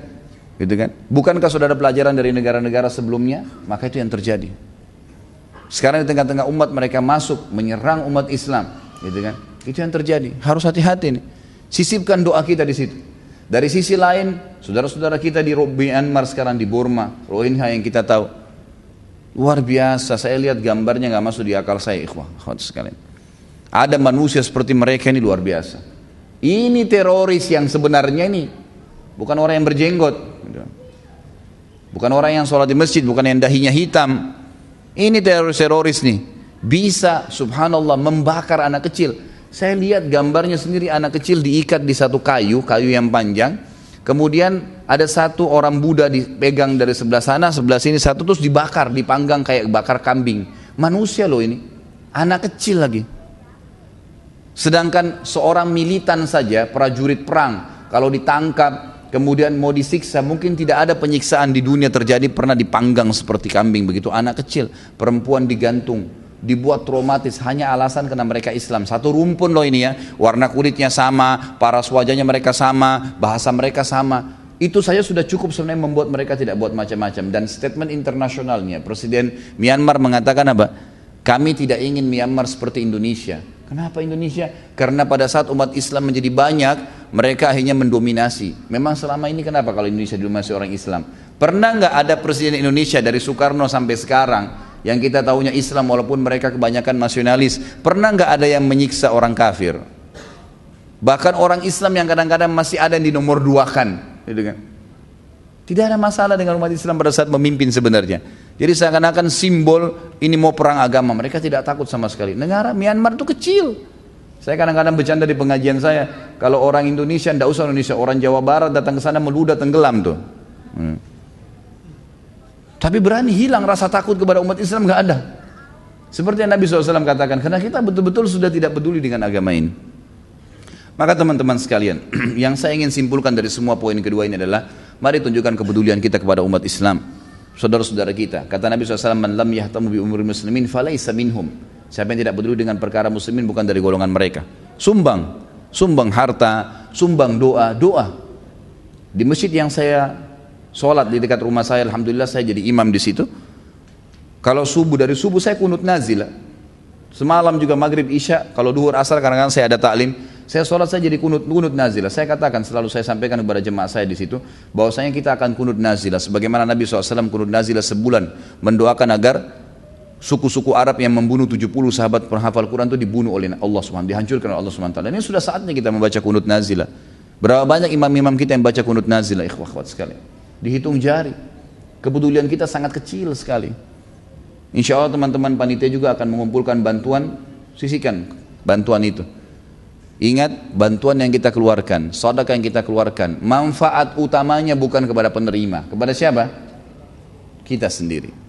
Kita sendiri yang dapat manfaatnya. Dia hanya sekedar beli baju, beli makanan, beli minuman habis. Tapi antum dapat pahala yang antum panen hari kiamat. Meninggikan derajat di surga, selamat dari neraka, Jangan seribu dua ribu terus, nggak selesai seribu dua ribu ini. Gitu. Makanya juga rezekinya cuma seribu dua ribu terus dari Allah, gitu kan. Coba keluarin yang besar dengan keyakinan. Perhatikan nanti bagaimana Talha bin Ubaidillah berinfak luar biasa. Yang sebelumnya Abu Bakar, Umar, Uthman, Ali yang kita jelaskan. Kadang-kadang saya merasa malu kalau baca kisah-kisah para sahabat ini. Subhanallah. Kita kayak tidak ada apa-apanya di depan mereka memang. Tapi minimal kita mengikutin, gitu kan, berusaha. Ini kurang lebih dua poin yang saya ingin sampaikan. Mudah-mudahan Allah Subhanahu Wa Taala menjadikan ini sebuah ya, nasihat buat diri saya sendiri dan buat antum sekalian dan seluruh muslimin yang mendengarkan ceramah kita agar bisa peduli dengan keadaan muslimin dan juga bisa menjadikan ciri khas sahabat ada pada diri kita. Talha bin Ubaidillah seorang sahabat yang mulia yang Nabi SAW berikan julukan siapa yang mau melihat orang mati syahid? Syahid tapi masih hidup dan berjalan di muka bumi inilah orangnya. Ditunjuk Talha bin Ubaidillah itu kurang lebih simbol dari Nabi Shallallahu Alaihi Wasallam. Itu kan panjang lebar kita jelaskan tentang kisahnya. Talha sebenarnya secara makna bahasa Arab punya makna yang bagus. Dan ini juga satu hal yang kita harus beratkan teman-teman sekalian. Saya selalu ingatkan di pengajian saya pilih nama-nama yang baik. Punya makna yang baik. Dan tidak usah panjang-panjang namanya. Paling hobi Indonesia ini namanya tiga empat. Muhammad Yusuf Ahmad. Siapa yang mau dipakai namanya ini? Eh, sudah gitu dipangkas lagi Muhammad Mat. Hilang artinya, gitu kan. Satu nama, cukup satu nama saja. Kita tahu coba nama-nama nabi-nabi. Ada yang punya dua nama dari nabi-nabi? Adam, Idris, Soleh, Hud, Shu'aib. Namanya berapa? Satu. Satu saja. Dan dipanggil lengkap. Enggak dipanggil pangkas-pangkas, gitu kan. Musa, Isa, Yusuf, Daud, Sulaiman, Muhammad alaihi wasallam semuanya nama-nama satu. Nama sahabat coba. Umar, Uthman, Ali, Talha, Zubair, Sa'ad, satu-satu. Kecuali memang disebutkan ke, ke, kehambaannya kepada Allah seperti Abdurrahman, Abdullah, baru dua rangkap. Itu kena ada nama Allah SWT. Tapi kalau enggak satu-satu nama. Kita lihat nama perempuan, Maryam, Khadijah, Fatimah, Asia yang disebutkan dalam Hadis-hadis Nabi SAW. Nama sahabiat Hafsah. Ya. Semua nama sahabat Zainab. Namanya satu-satu saja. Jadi nggak usah sampai tiga rangkap nama yang penting. Nama-nama itu punya makna yang baik. Baik secara makna maupun memang ada orang soleh yang kita targetkan agar anak kita seperti dia berdoa kepada Allah itu bisa. Jadi pada saat menamakan namanya Abdullah, niatnya memang karena nama itu Allah cintai dan juga ingin seperti Abdullah bin Umar misalnya. Nanti kita lihat seperti Talha ini, semua anaknya, Allah kalau dia 14 orang anak, anak laki-lakinya umumnya semua dipakai nama nabi-nabi dengan berharap mengikuti para nabi-nabi tersebut. Gitu kan. Talha sebenarnya secara makna berarti sebuah pohon yang rim, rimbun ya. Dia sangat tumbuh di tanah yang tanah keras, tapi pohonnya itu walaupun tidak banyak disiramin air, ini, ini nama talha sendiri ya. Itu batang pohonnya besar sampai tidak bisa dipeluk oleh seseorang karena besarnya dan daunnya sangat lebat serta dia mengeluarkan duri-duri tapi durinya lembut ya sehingga unta-unta bisa memakannya dikenal dengan pohon talha ya. maka ayahnya memilih nama justru karena melihat pohon ini gitu kan pohon ini dan ini oleh Nabi SAW tidak diganti, ya, tidak diganti nama ini karena memang nama ini memiliki makna yang positif saja. Baik. Ya, nama ayahnya Ubaidillah bin Uthman bin Amr bin Ka'ab bin Sa'ad bin Taim bin Murrah bin Ka'ab bin Lu'ay dan beliau bertemu dengan Nabi SAW di Murrah bin Ka'ab. Jadi di kakek kesekiannya itu sama keturunannya dengan Nabi SAW. Sementara ibunya dan ini ayahnya meninggal sebelum Islam di masa jahiliyah. Kemudian ibunya As-Sa'bah binti Al-Hadrami. Ini terkenal uh, saudarinya, adiknya atau kakaknya Al-Ala Al-Hadrami, sahabat Nabi yang masyhur gitu. Ini juga sudah masuk Islam. Ini sempat masuk Islam walaupun di awal masuk Islamnya Talha dia sempat membenci anaknya sampai akhirnya Allah SWT berikan hidayah dan dia masuk Islam. Gitu. Dia masuk Islam. Awal kisahnya Talha masuk Islam ini, jadi dia ini sebenarnya Talha terkenal ya. Ada tiga sahabat, tiga orang sahabat ini yang sepadan uh, umurnya hampir sama, poster tubuhnya hampir sama, paras wajahnya juga mendekati, kedudukan sosial mereka, ya, kedudukan di masyarakat hampir sama. Dan tiga orang sahabat ini subhanallah tiga-tiganya jadi masuk surga. Talha bin Ubaidillah, Zubair bin Awam dan Sa'ad bin Abi Waqqas. Tiga orang ini sama-sama. Pada saat Nabi SAW diutus menjadi Nabi, umur mereka waktu itu masih 15 dan 16 tahun. 15 dan 16 tahun. Talha bin Ubaidillah radhiyallahu anhu, beliau waktu mulai meranjak umur 15 tahun, beliau sudah mulai ikut dengan kafilah-kafilah dagang. Dan kebetulan memang ayahnya meninggalkan harta yang cukup, ibunya juga termasuk orang yang kaya raya pada saat itu tapi tidak menikah lagi. Dan Talha ini akhirnya menggunakan harta ibunya untuk berdagang. Tepatnya di umur 16 tahun, satu tahun setelah dia mulai berdagang, dia kemudian tiba di negeri Syam. Ini sebab dia masuk Islam ya. Dia tiba di negeri Syam, kemudian pas baru masuk negeri Syam ada satu pendeta Nasrani yang pada saat itu memang sedang mengincar dan mencari tahu tentang uh, kafilah-kafilah dari tanah haram, wilayah Mekah secara khusus. Waktu itu dikenal tanah haram cuma Mekah, Madinah belum ditahu. Maka pendeta ini pun berdiri di depan kafilah-kafilah yang masuk ke negeri Syam. Karena memang ada satu pintu yang mereka selalu masuk untuk belanja dagangan di Syam lalu mereka bawa ke Mekah.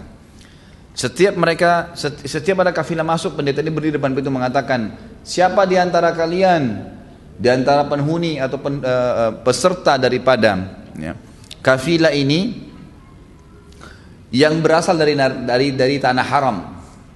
Talha kebetulan dengan kelompoknya itu dari Mekah. Talha yang menyaut mengatakan kami kami dari negara atau wilayah haram dari Mekah. Kata pendeta tersebut, apakah sudah keluar di tempat kalian di kota kalian Ahmad bin Abdullah? Lalu berkata si Talha, Ahmad yang mana? Ahmad ada apa di Mekah ada beberapa orang yang menggunakan nama itu. Lalu kata dia, Ahmad bin Abdullah bin Abdul Muttalib. Karena dalam Injil disebutkan namanya Ahmad. Gitu kan? Namanya disebutkan Ahmad. Sebagaimana tadi saya sudah jelaskan Nabi SAW punya lima buah nama Ahmad dan Muhammad dan seterusnya. Lalu kata uh, uh, Tolha, iya. Eh, apa dia, dia tidak bilang Ahmad, dia cuma bilang Talha mengatakan kenapa? Kata pendeta tersebut akan keluar dari wilayah kalian kota haram itu seseorang yang bernama Ahmad bin Abdullah bin Abdul Muttalib nabi terakhir. Kalau kalian sudah mendengarkan dia keluar, maka segeralah menjadi pengikutnya karena dia adalah nabi yang terakhir. Dia penutup para nabi dan nanti dia akan dikeluarkan oleh kaumnya dari wilayah haram dan dia akan hijrah ke sebuah kota tapi di riwayat ini tidak disebutkan Madinah ya ke sebuah kota yang kota tersebut penuh dengan pohon kurma serta gitu kan, subur banyak air dan juga ada garamnya dan dipenuhi di kiri kanannya barat dan timurnya dengan batu-batu hitam itulah kota Madinah maka segeralah jadi pengikutnya Talha bin Ubaidillah Perhatikan kejelian seseorang dalam menangkap informasi penting. Ini penting ya. Ada orang subhanallah begitu ada informasi langsung dia segera. Sini akan terjadi badai. Sudah pasti informasinya sudah dia harus berhati-hati. Ada orang enggak, anggap remeh enggak apa-apalah gitu. Enggak, kejelian dalam menangkap informasi penting. Penting ya. Ini penting sekali. Kalau pen, ben, beritanya penting segera. Apalagi kalau itu informasi yang benar dari agama kita. Dengarkan azan informasi panggilan sholat. Gak usah kerjakan yang lain. Selesai. Saya ini kebenaran. Saya harus datangin, kerjain, tinggalkan semuanya. Gitu kan. Dia tangkap informasi ini dari pendeta tersebut dan pendeta itu terkenal ya pada zaman itu adalah orang-orang yang dekat dengan Allah Subhanahu wa taala. Dan mereka tahu itu, ini agama Nasrani yang patuh kepada Allah, nabinya mereka Nabi Isa. Lalu Talha pun berkata, informasi itu berbekas pada hati saya. Maka saya pun akhirnya kembali ke Mekah, tidak jadi dagang. Saya kembali sendirian meninggalkan kafilah tersebut lalu kemudian saya kembali lalu saya tanya keluarga saya. Karena perjalanan dari Mekah ke negeri Syam memakan waktu, makan waktu, gitu kan? Itu bisa ditempuh kurang lebih sebulan perjalanan. Maka dia pulang segera, jadi sudah dua bulan nih, sebulan pergi, sebulan pulang. Lalu dia tanya keluarganya, apakah ada terjadi sesuatu di Mekah pada saat saya pergi ke negeri Syam? Kata keluarganya, ya tidak disebutkan siapa, tapi dalam riwayat dikatakan, kata keluarganya ada. Telah mengaku sebagai Nabi Allah Muhammad bin Abdullah bin Abdul Muttalib. Kata Talha, apakah dia punya nama lain selain Muhammad? Kata keluarganya, dikenal dengan nama Ahmad. Maka kata Talha, apakah sudah ada yang mengikuti dia? Orang-orang Mekah sudah tahu. Yang pertama beriman kepada dia adalah sahabat dekatnya Abu Bakar bin Abi Kuhafa. Yang nama itu namanya Abdullah ya, dikenal dengan Abu Bakar. Maka dia pun Talha berkata, saya tahu Abu Bakar. Dia adalah seorang pedagang yang baik dan Abu Bakar ini sebelum masuk Islam punya majelis ya punya kayak semacam kalau kita sekarang katakan sekarang pengajian ya tapi dia bukan pengajian dia khusus untuk membahas nasabnya orang-orang Arab. Abu Bakar adalah orang yang paling menguasai nasab orang-orang Arab. Jadi kalau ada yang mau tahu nasabnya dari suku ini suku ini dari mana asalnya dari Abu Bakar semua. Dan orang-orang kata Talha menyukai majlisnya karena dia adalah orang yang paling mahir dalam nasab orang-orang Arab. Dia orang yang jujur, orang yang lembut, orang yang baik. Maka tidak mungkin Abu Bakar beriman kepada orang yang salah. Dia pun segera mendatangi Abu Bakar lalu bertanya, "Oh ya Abu Bakar, betulkah Muhammad bin Abdullah nama lainnya Ahmad dan sudah mengaku sebagai nabi?" Kata Abu Bakar, "Iya." Betul. Dan saya sudah apakah kamu sudah beriman padanya? Dia bilang, "Iya." Kalau begitu, bawa saya kepadanya. Saya ingin beriman juga.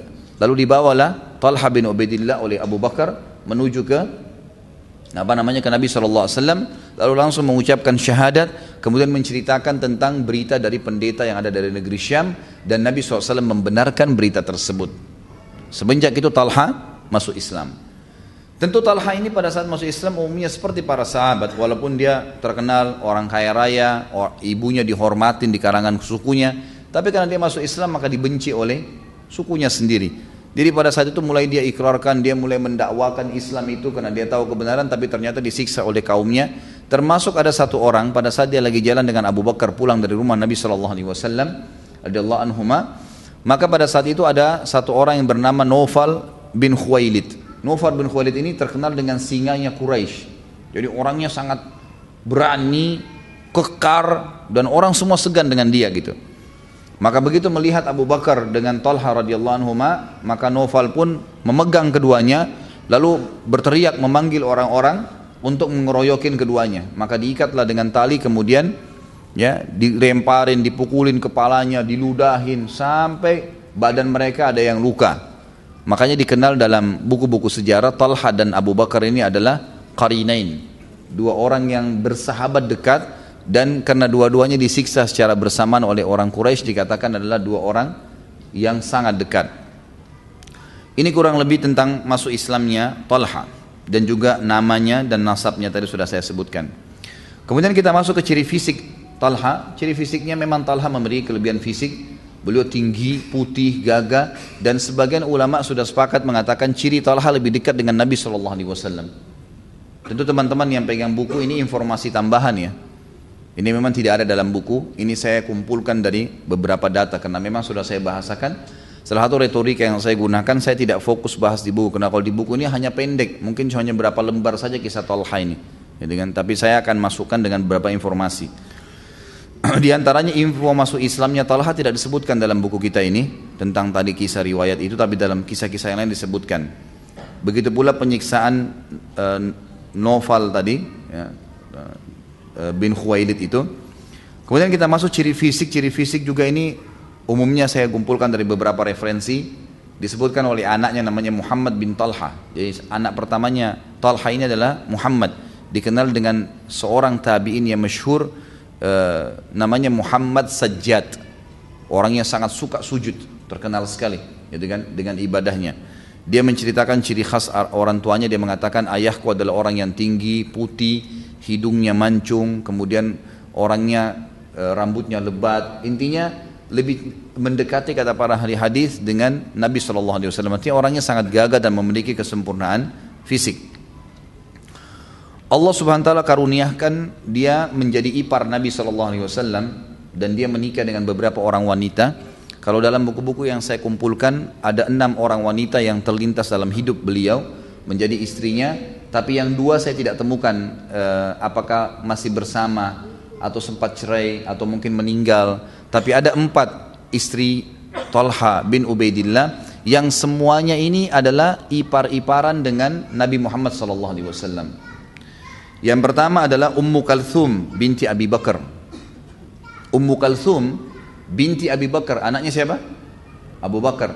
Ummu Kalthum ini ya saudaranya Aisyah radhiyallahu anha, radhiyallahu anhum ajmain, gitu kan? Jadi Nabi SAW nikah dengan Aisyah, Talha nikah dengan Ummu Kalthum, anaknya Abu Bakar. Ini berarti sudah ipar dengan Nabi SAW. Kemudian istrinya yang lain bernama Hamna binti Jahash. Hamna binti Jahash radhiyallahu anha ini saudarinya Zainab binti Jahash Ummul Mukminin istri Nabi wasallam juga. Berarti Nabi nikahi eh, perempuan itu terus Talha juga nikahi saudarinya. Ini istri yang kedua. Yang ketiga adalah Rafa'a binti Abi Sofyan Rafa'a binti Abi Sofyan adalah saudarinya Ummu Habibah. Ummul Mukminin radhiyallahu anha. Ini juga termasuk istri Nabi, saudarinya dan ini dinikahi saudarinya oleh Talha. Kemudian yang keempat adalah Qariba binti Abi Umayyah. Qariba binti Abi Umayyah. Ini saudarinya Ummu Salamah. Saudarinya Ummu Salamah. Saya ulangin. Jadi yang pertama Ummu Kalthum binti Abi Bakar, saudarinya Aisyah. Kemudian yang kedua Hamna binti Jahash. Ini saudarinya Ummul Mukminin Zainab binti Jahash radhiyallahu anhum ajma'in radhiyallahu anhunna. Kemudian Rafa'a yang ketiga binti Abi Sufyan ini saudarinya Ummu Habibah radhiyallahu anhunna ajmain. Kemudian Qariba binti Abi Umayyah ini adalah saudarinya Ummu Salamah. Kemudian ada dua nama yang disebutkan kalau nama yang kelima ini sebenarnya adalah istri pertamanya Talha. Namanya Su'da binti Auf. Ini yang saya tahu yang saya dapatkan dalam buku ini sebenarnya istri pertama Talha, gitu kan. Apakah dia meninggal atau tidak Allahu alam. Tapi yang jelas yang empat tadi saya dahulukan namanya karena ipar-iparan dengan Nabi Shallallahu Alaihi Wasallam. Kemudian ada nama yang keenam adalah Khawla binti Ka'ka'ah bin Mu'id. Khawla binti Ka'ka'ah bin Mu'id. Ini dinikahi oleh Talha, wanita ini karena wanita ini terkenal sekali dengan kedermawaannya. Jadi dia sangat dermawan, paling banyak membantu sahabat, peperangan juga di kalangan sahabiat perempuan dia adalah Khawla ini. Juga dinikahi oleh Talha tapi yang jelas kita sudah tahu dalam Islam tidak mungkin melampaui empat orang istri. Pasti ada salah satu atau dua di antara enam ini yang tidak bersama dengan beliau lagi. Tapi itu saya tidak temukan dalam sejarahnya. Ringkasnya begitu. Dan Allah SWT karuniai beliau dari beberapa orang istri ini 14 orang anak. Beliau memiliki cukup banyak keturunan. Yang pertama Muhammad yang terkenal dengan Sajjad. Orang yang ahli ibadah. Tentu ada bahasan sendiri. Muhammad ini terkenal sekali dengan ibadahnya. Makanya julukan dia Abu Muhammad. Karena anak pertamanya namanya Muhammad. Kemudian ini nama Nabi ya. Nabi Muhammad SAW kan diambil. Dari saya tadi bilang Talha memberikan nama anak-anaknya nama-nama Nabi yang laki-lakinya. Kemudian nama anak yang kedua adalah Imran. Imran. Ini juga ya jelas surah Al-Imran.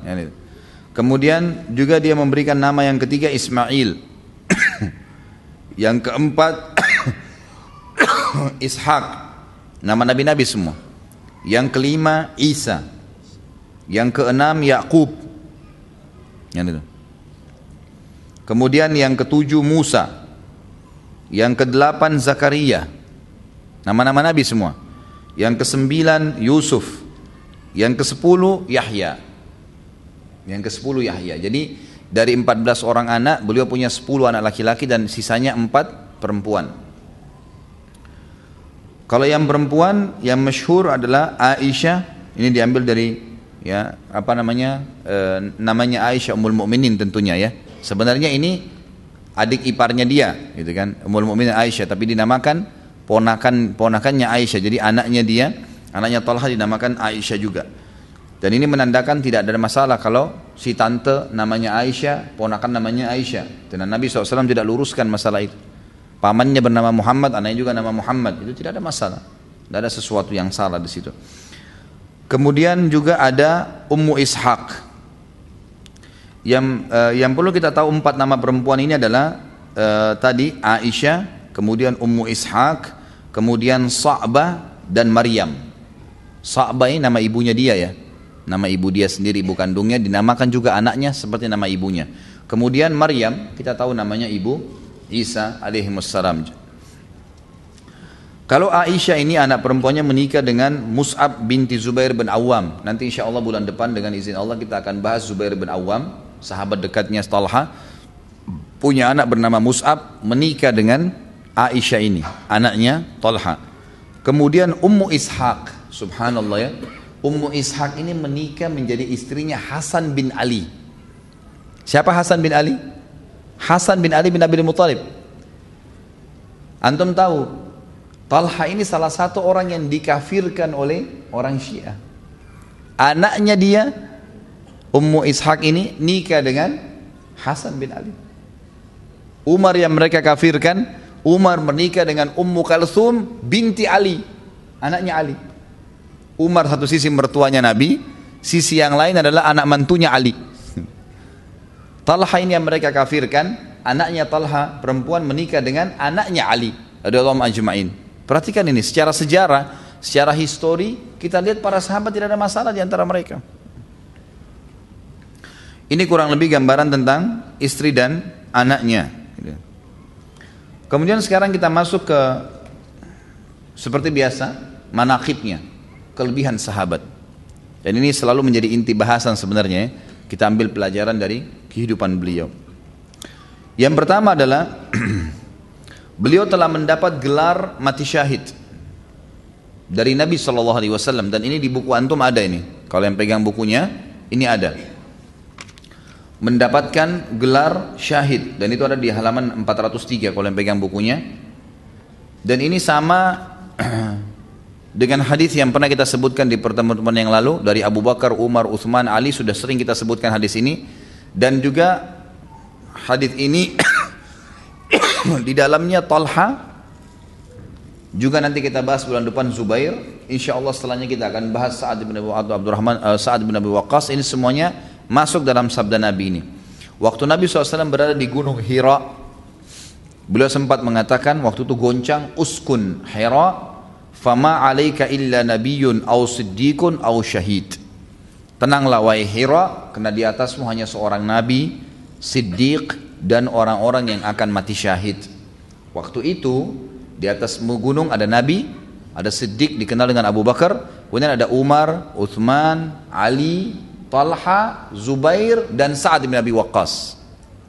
Berarti semuanya dapat julukan syahid. Semenjak mendengar hadis tersebut, Talha bin Ubaidillah semangat luar biasa. Ini yang saya bilang tadi ya, ciri khasnya sahabat nih.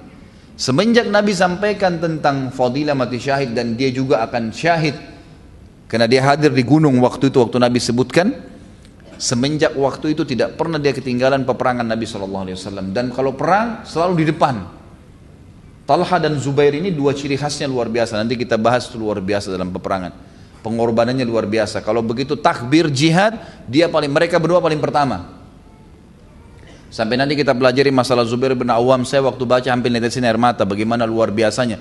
Dia bertemu dengan pasukan Romawi 250 ribu, sendirian. Dia masuk mendobrak pasukan tersebut, terus sampai ke ujung, baru dia kembali lagi. Sendirian.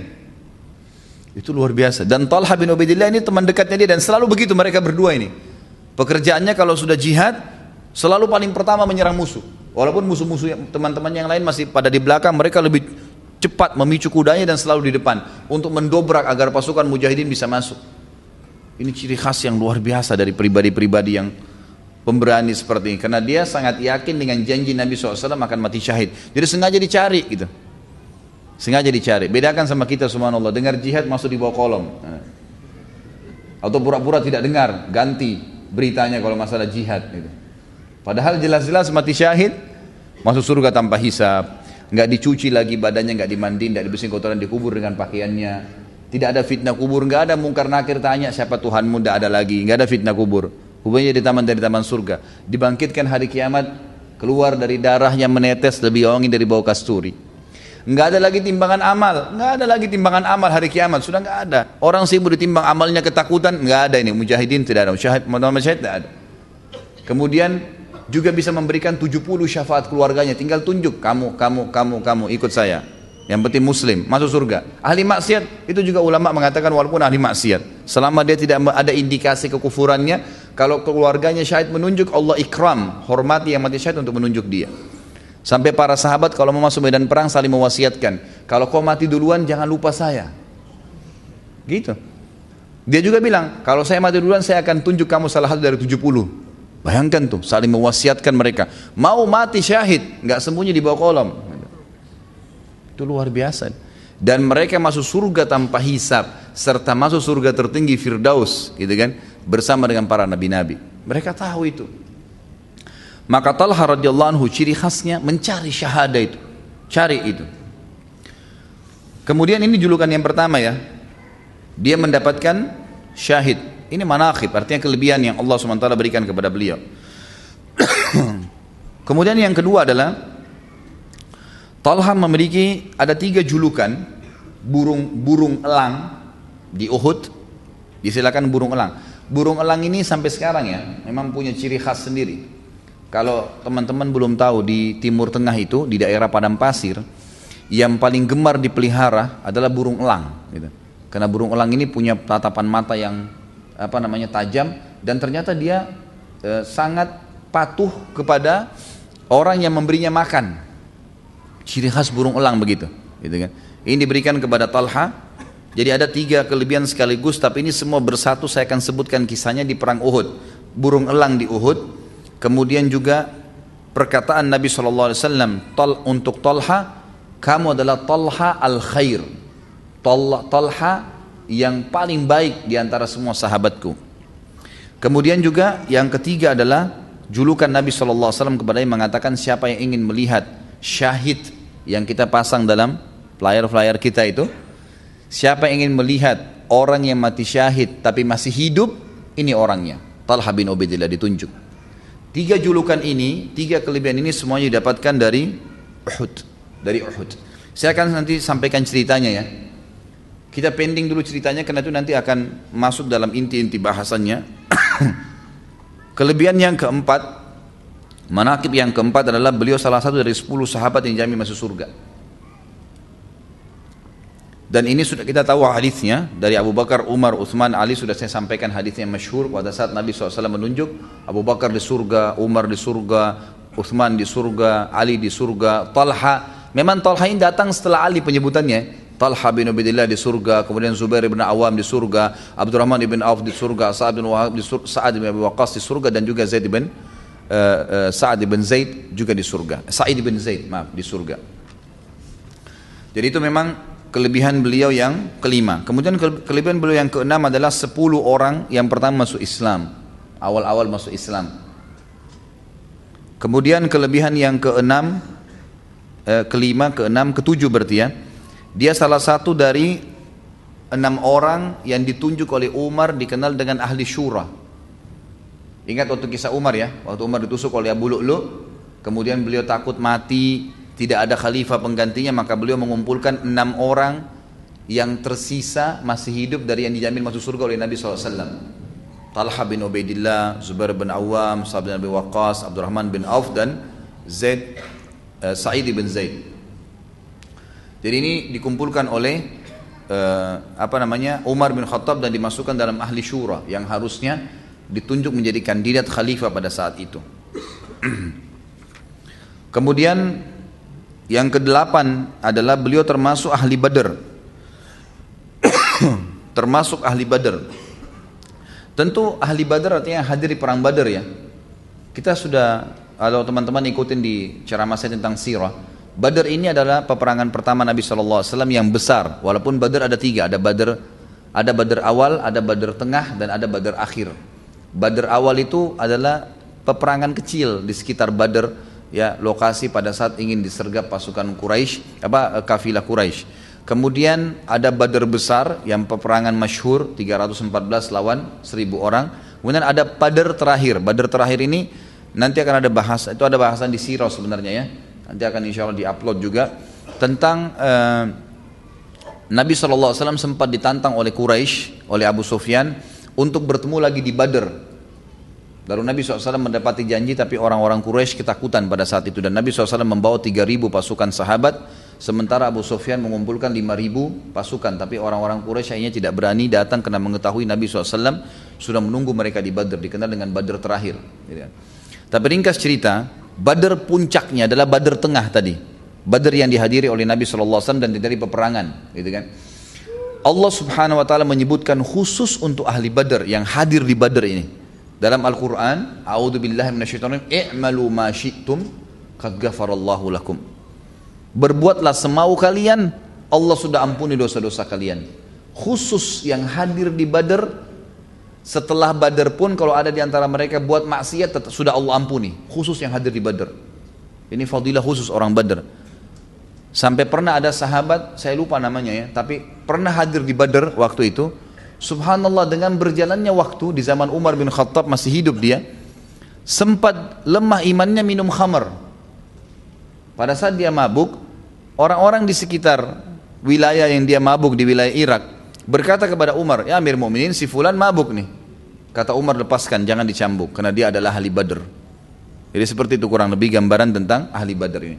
Nah, ada enam orang sahabat teman-teman sekalian yang tidak sempat hadir di kancah peperangan Badr tapi Nabi SAW hitung mereka masuk di ahli Badr. Di antaranya Talha bin Ubaidillah. Talha ini tidak sempat hadir di perang Badr karena waktu itu Nabi SAW mengutus dia untuk memata-matai kekuatan Quraisy. Gitu kan?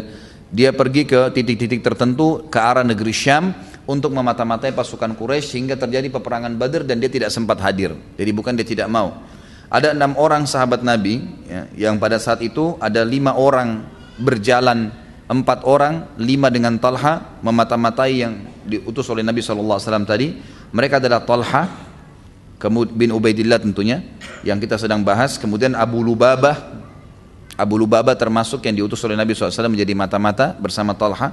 Asim bin Adi. Asim bin Adi juga sama. Sahabat Nabi yang mulia diutus untuk jadi mata-mata. Harith ibn Hatib.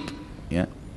Ini juga termasuk sahabat Nabi. Kemudian Harith bin Zimmah ini sebenarnya ada riwayat mengatakan Harith bin Shimmah. Ya. Kemudian Khalwat bin Jubair.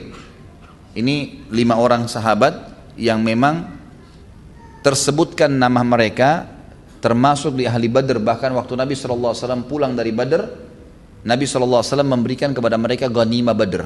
Karena dianggap mereka hadir pada saat itu walaupun tidak ikut perang karena mereka ada udurnya lagi diutus oleh Nabi SAW. Talha bin Ubaidillah, Abu Lubabah, Asim bin Adi, Harith bin Hatib, Harith bin Shimmah, atau tadi saya katakan Simmah bisa atau Khalwat bin Jubair. Kemudian yang keenam adalah Uthman bin Affan. Uthman bin Affan sudah kita jelaskan kisahnya kenapa tidak hadir di Badr pada pertemuan kita yang lalu. Karena istrinya Ummu Kalthum sedang sakit keras, gitu kan? Sakit keras, kemudian maaf uh, Ruqayyah sakit keras lalu Nabi SAW menyuruh menemani istrinya gitu kan? Lalu Nabi SAW memberikan atau karena perintah Nabi dia jalankan maka Nabi memberikan dia kehadiran dianggap hadir di Badr pada saat itu. Tapi inti bahasan adalah Talha termasuk dari ahli Badr. Ini kurang lebih kelebihan-kelebihan yang dimiliki oleh uh, sudah berapa poin nih? Ya. tadi kita sebutkan ada syahid nomor satu julukan syahid Syahid kemudian ada tiga poin yang belum saya jelaskan, akan saya jelaskan nanti. Burung elang di Uhud, kemudian Talha al-Khair, yang dikatakan Nabi SAW adalah dia sahabatku, Talha yang paling baik. Kemudian ada syahid yang berjalan di muka bumi. Ini sudah empat. Kemudian yang kelima, sepuluh sahabat yang masuk surga. Yang keenam, sepuluh orang yang awal masuk Islam. Yang ketujuh, satu dari enam orang ahli syurahnya Umar. Yang kedelapan, dia ahli Badr. Yang kesembilan, dia terkenal dengan kedermawaan kedermawannya ya. Kemudian soleh dan gagah dan ini nanti termasuk yang akan saya jelaskan. Jadi pertemuan kita ke depan ini yang tersisa waktunya adalah menjelaskan empat kelebihan beliau tadi. Tiga di Uhud dan satu berhubungan dengan ya kedermawanan beliau. Kita masuk ke masalah tiga julukan yang didapatkan burung elang di Badar di Uhud, kemudian syahid yang jalan di muka bumi serta ya Talhal Khair orang yang terbaik yang dipuji oleh Nabi Shallallahu Alaihi Wasallam. Ceritanya adalah di perang Uhud sebagaimana kita sudah tahu masyhur ya, masyhur pada saat itu Nabi Shallallahu Alaihi Wasallam membawa 700 pasukan, sebenarnya 1000. Waktu Nabi Shallallahu Alaihi Wasallam iklankan perang Badar, perang Uhud itu di hari Jumat. Beliau tertidur siang. Setelah sholat Jumat, beliau beristirahat sejenak. Kemudian beliau Shallallahu Alaihi Wasallam mimpi Beliau mimpi melihat pedang beliau bengkok, kemudian ada sapi yang disembeli, serta yang ketiga beliau melihat beliau masuk ke sebuah benteng yang kokoh. Lalu terdengarlah pada saat itu berita, Nabi SAW tentunya sebelum mimpi sudah dengar berita kalau orang-orang Quraisy sudah keluar dengan 3000 pasukan dari Mekah. Dan mereka sudah mendekati Madinah. Sudah mendekati, sudah hampir sampai di perbatasan Madinah. Jadi sudah sangat dekat gitu. Dan perlu teman-teman tahu lokasi Uhud itu berada pas di sekarang ini kota Madinah. Sebenarnya dia masuk kota Madinah ya Uhud itu. Tapi di zaman Nabi SAW berada di, di luar pintu gerbang utama kota Madinah. Jadi kurang lebih satu kalau dari Masjid Nabawi sekitar 3 km dari Masjid Nabawi ke Uhud itu. Tentu lokasi Uhud masyhur ya, masyhur sekali di Madinah dan tentu teman-teman juga tidak tidak asing kalau yang umroh atau haji biasanya memang turunnya pasti ke sana. Uhud adalah sebuah gunung yang masyhur Kata Nabi SAW, Uhudun nuhibbu wa yuhibbuna. Uhud adalah gunung yang kami cintai dan juga mencintai kami. Juga dalam hadis yang lain, Uhudun jabal min jibalil jannah. Uhud adalah salah satu dari gunung-gunung surga. Kata Nabi SAW. Jadi memang orang yang melihat Uhud itu biasanya senang melihatnya. Merasa nyaman, ada ketentraman jiwa. Sebagaimana Nabi SAW mengatakan dan juga dia termasuk gunung-gunung surga. Ringkas cerita adalah, Nabi SAW mimpi pada saat itu lalu bermusyawarah dengan para sahabat. Kira-kira bagaimana jalan keluarnya nih? Ada masalah seperti ini. Maka berkatalah pada saat itu eh, para sahabat ya Rasulullah, kalau kita nggak keluar, ada dua kemungkinan, keluar melawan mereka atau kita bertahan di kota Madinah. Lalu kata para sahabat ada sahabat yang mengatakan seperti Hamzah bin Abdul Muttalib yang nanti mati syahid di Uhud gitu kan, Ali bin Abi Thalib, kemudian Talha bin Ubaidillah dan beberapa sahabat-sahabat Nabi yang lain mereka sepakat mengatakan ya Rasulullah kita keluar aja hadapin mereka nanti kita dikira pengecut. Kalau kita bertahan benteng kita kita tutup pintu gerbangnya dikira pengecut walaupun kita bisa melawan dari dalam. Sementara orang-orang munafik umumnya orang-orang munafik di antaranya pimpinan mereka Abdullah bin Abi Salul mengatakan ya Rasulullah kita bertahan aja di Madinah. Mereka tidak akan bisa tembus bentengnya Madinah. Kita panahin mereka, kita serang. Ini biarin aja begitu, mereka tidak akan tembus. Lalu akhirnya Bahasa sahabat ada yang cenderung dengan keluar, ada yang mengatakan tidak. Ada juga mengikuti pendapat tadi pimpinan munafikin ini. Akhirnya simpang siur lah. Nabi SAW melihat pendapat-pendapat sahabat yang mulia yang memang sahabatnya bukan orang munafik cenderung keluar. Maka beliau pun menggunakan baju perangnya, kemudian beliau masuk uh, menggunakan baju perang, menyiapkan uh, kudanya, perisainya, segalanya masuk ke dalam rumah lalu keluar. Pada saat beliau keluar, beliau siap dengan baju perangnya. Sebelum beliau keluar, beberapa sahabat saling bermusyawarah lagi mengatakan mungkin Nabi SAW lebih cenderung dengan pendapat tinggal di Madinah jangan sampai kita maksa beliau keluar coba kita tanyain deh setelah Nabi SAW keluar di atas kudanya dengan pakaian perangnya lengkap mereka mengatakan ya Rasulullah kalau anda ingin tinggal di Madinah kami juga nggak masalah biar kami bertahan di Madinah kata Nabi SAW dalam hadis yang masyhur riwayat Bukhari tidak layak seorang Nabi itu keluar ya, ingin berperang sudah pakai baju perang kemudian dia kembali lagi. Itu nggak mungkin terjadi pada Nabi. Sampai Allah memberikan keputusan menang atau kalah. Menang atau mati syahid. Maka keluarlah pasukan muslimin pada saat itu hari Sabtu pagi. Hari Sabtu pagi. Tentu ada beberapa kisah-kisah di perang Uhud yang bisa anda dengarkan dalam ceramah-ceramah saya di masalah Uhud seperti kisah tentang uh, sahabat Nabi Khuwairik dan juga ada beberapa kisah-kisah sahabat Nabi ada yang mati akhirnya masuk neraka, ada yang mati akhirnya masuk surga, termasuk ada seorang Yahudi, pendeta Yahudi yang masuk Islam pada pagi itu tidak sempat ya sholat duhur karena keluarnya di waktu duha. Keluar langsung pergi ke perkebunan di sekitar Uhud berhadapan sama musuh lalu berperang. Lalu orang Yahudi ini mati pada saat itu. Kata Nabi SAW, siapa yang ingin lihat penghuni surga yang belum pernah sujud sekalipun ini orangnya. Gitu kan. Jadi memang kelebihan-kelebihan yang terjadi. Tapi itu bukan bahasan kita. Bahasan kita adalah Talha radhiyallahu anhum. Pada saat terjadi perang Uhud Nabi SAW dengan 700 pasukan tadinya 1000 300 orang di antara mereka orang munafik dipimpin oleh Abdullah tadi pimpinan orang munafikin. Tapi setelah tiba di lokasi Uhud 300 orang ini ditarik lagi oleh Abdullah termasuk dia pulang ke Madinah. Jadi sisa 700 dan ini memang Allah SWT ingin membersihkan pasukan muslimin dari mereka mereka kembali lalu kemudian berhadapanlah dengan 3000 pasukan. Waktu itu Nabi SAW mengatur strategi perang, menjadikan gunung Uhud di belakang beliau, kemudian menjadikan di sisi kiri beliau ya, pasukan itu ada gunung bukit namanya Bukit Pemana sekarang dikenal. Beliau letakkan 50 pemana di situ, dipimpin oleh Abdullah bin Jubair radhiyallahu anhu majma'in. Kemudian tentu pemana pada saat itu ya sama kalau sekarang sniper, gitu kan yang memang siap untuk menembak dari jarak jauh. Karena panah ini bisa sampai berapa ratus meter gitu kan. Dan sisi itu memang yang agak kosong. Ya sisi agak kosong. Tidak ada pasukan Nabi SAW taruh di situ. Jadi ada pemanah 50 orang. Kemudian eh, di hadapan mereka ada pasukan Quraisy yang dihadapin dengan 650 orang. 650 orang ini termasuk Nabi SAW 50 di atas bukit pemanah. Pasukan Quraisy yang 3000 dibagi dua. 2800 menghadapi muslimin yang 650 200 orang pasukan kuda dipimpin oleh Khalid bin Walid waktu itu yang belum masuk Islam itu kemudian memantau peperangan dari sebuah lembah gitu kan. Lembah itu tidak jauh dari bukit pemanah. Tapi para pemanah ini tahu di mana mereka gitu tersembunyi di belakang bukit itu. Jadi pasukan pemanah ini yang 50 ini begitu pasukan yang 2800 nyerang mereka memanah dan ada satu ada beberapa orang di antara mereka termasuk Abdullah bin Jubair radhiyallahu anhu ajmain bisa memanah dengan tiga anak panah sekaligus gitu kan. Jadi ini tiga anak panah kalau tepat sasaran tiga orang mati. Jadi 50 orang ini kalau melepaskan anak panah kalau masing-masing satu bisa 50 orang mati seketika orang Quraisy gitu kan. Dengan beberapa menit saja peperangan dengan pemanah-pemanah yang ulung tadi maka pasukan Quraisy ini kocar kacir kalah semuanya. Tapi ada pesan Nabi SAW kepada 50 pemanah tadi Jangan kalian tinggalkan bukit pemanah ini sampai ada instruksi dari saya. Menang atau kalah, jangan pernah tinggalin. Ternyata waktu pasukan Quraisy yang 2800 kocar kacir dan sudah banyak jadi korban di antara mereka, beberapa sahabat menukir riwayat kepada kita bahwasanya mereka meninggalkan pedangnya, perisainya, mereka sudah pokoknya semuanya ya sudah kocar kacir bahkan mereka menceritakan para sahabat menceritakan kami melihat wanita-wanita Quraisy lari naik ke atas gunung-gunung dan ini belum pernah terjadi dalam peperangan itu dianggap aib. Perempuan itu orang yang paling terakhir diserang oleh musuh.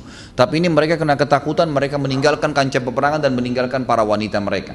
Sahabat-sahabat memunguti harta genimah tadi. Pedangnya, perisainya dipungutin yang ada di situ gitu kan. Dari 650 pasukan ini belum ada yang mati pada saat itu dan mereka jalan. 650 ini mengejar yang 2000 itu, terus dikejar gitu kan. Kurang lebih tinggal bersama Nabi SAW yang tidak ikut mengejar musuh itu ada sekitar 12 orang. Jadi 13 orang dengan Nabi SAW. Dari 50 pemanah yang di atas bukit ini teman-teman sekalian, ini saya rentet sejarahnya karena memang ada hubungannya sama Talha di sini. 50 pemanah ini ternyata ada 43 orang yang melihat pada saat itu sudah kocar kacir musuh.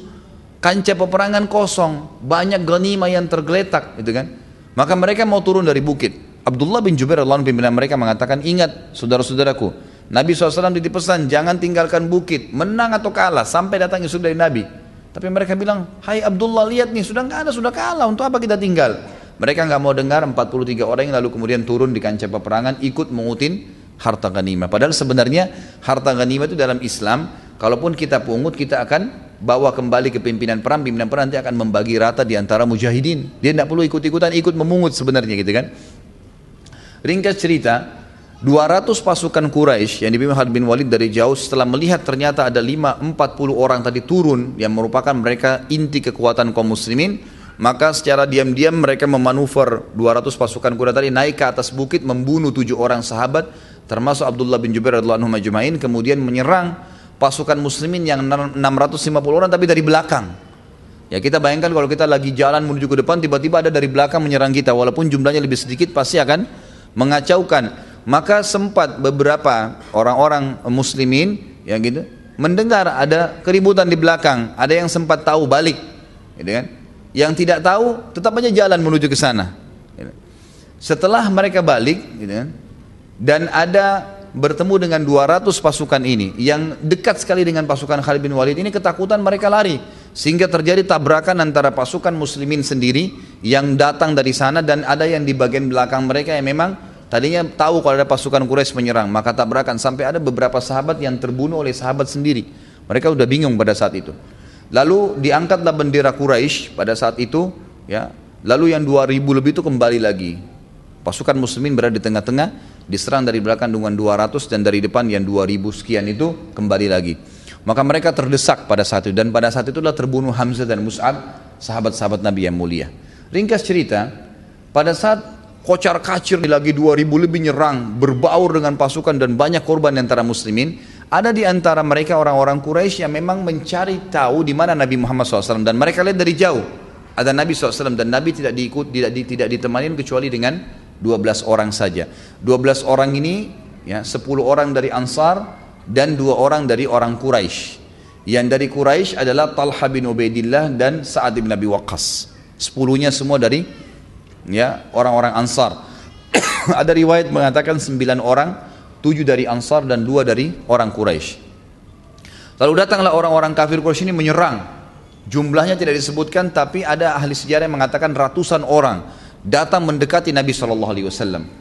Maka Nabi Wasallam bersabda dengan hadis yang masyhur kepada 12 orang sahabat yang ada di sebelah beliau.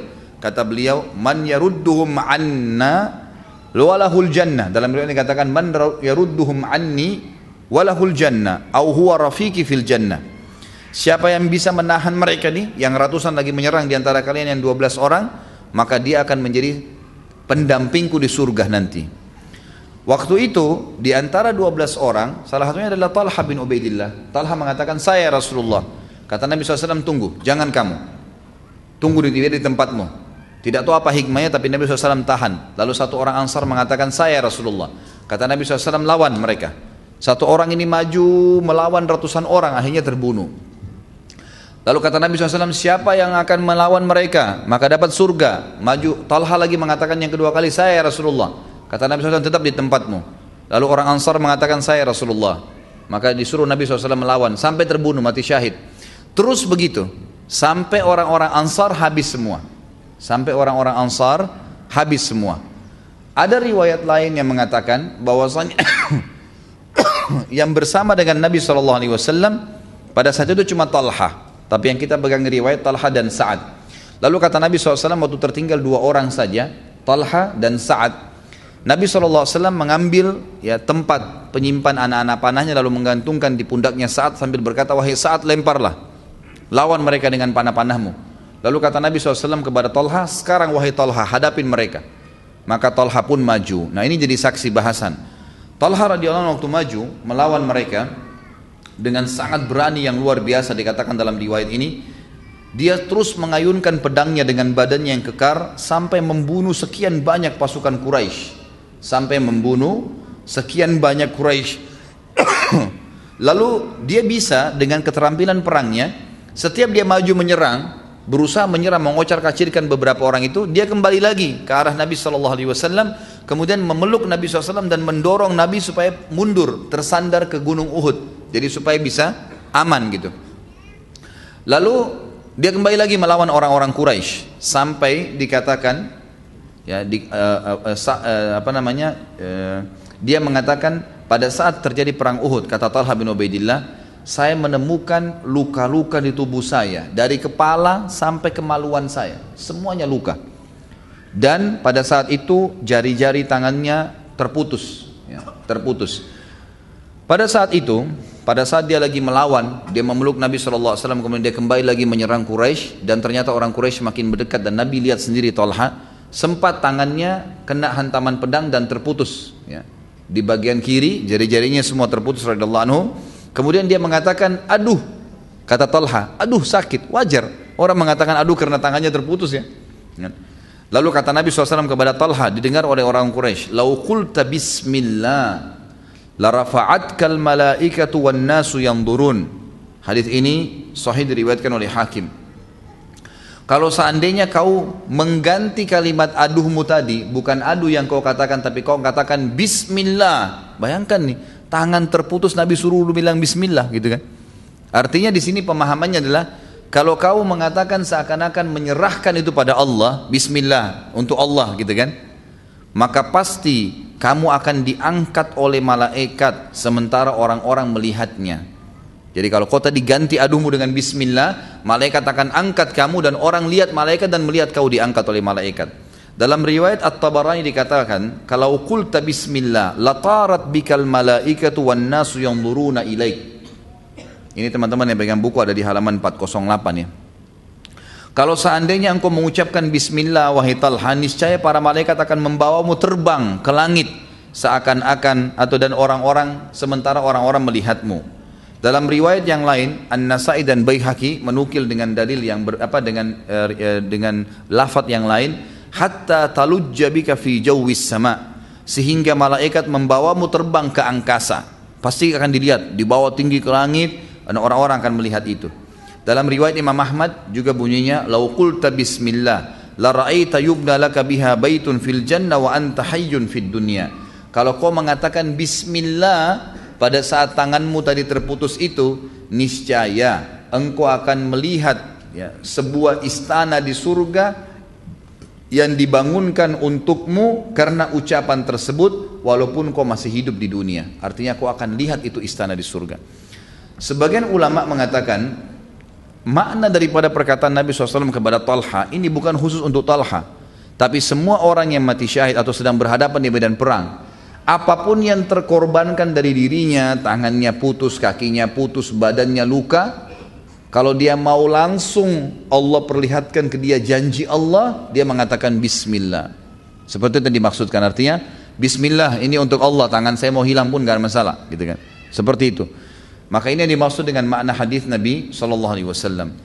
Kemudian dari riwayat lain Qasi bin Hazim berkata, ia berkata aku melihat tangan Talha lumpuh karena melindungi Nabi sallallahu alaihi wasallam di perang Uhud. Riwayat lain menjelaskan dalam perang Uhud Talha Eh, di dalam tubuh Talha terdapat 39 atau 35 luka dan jari-jarinya lumpuh yaitu jari telunjuknya dan jari tengahnya terputus. Kemudian pada saat itu Talha karena kecapean menghadapi sendiri akhirnya Talha bin Ubaidillah pingsan dilumuri darah luka semua badannya pada saat dia pingsan bertepatan dengan waktu yang bersama Nabi SAW sudah tinggal sendirian gitu kan? Ini sebuah riwayat ya. Abu Bakar pada saat itu sudah datang ke pasukan ya mendekati Nabi SAW maksudnya datang dengan pasukan mendekati Nabi SAW lalu kata Nabi SAW tinggalkan saya dan urus saudaramu Talha. Maka Abu Bakar pun mencari Talha. Talha ternyata sudah jatuh dalam kondisi pingsan dan dibulumuri dengan darah tapi belum mati pada saat itu.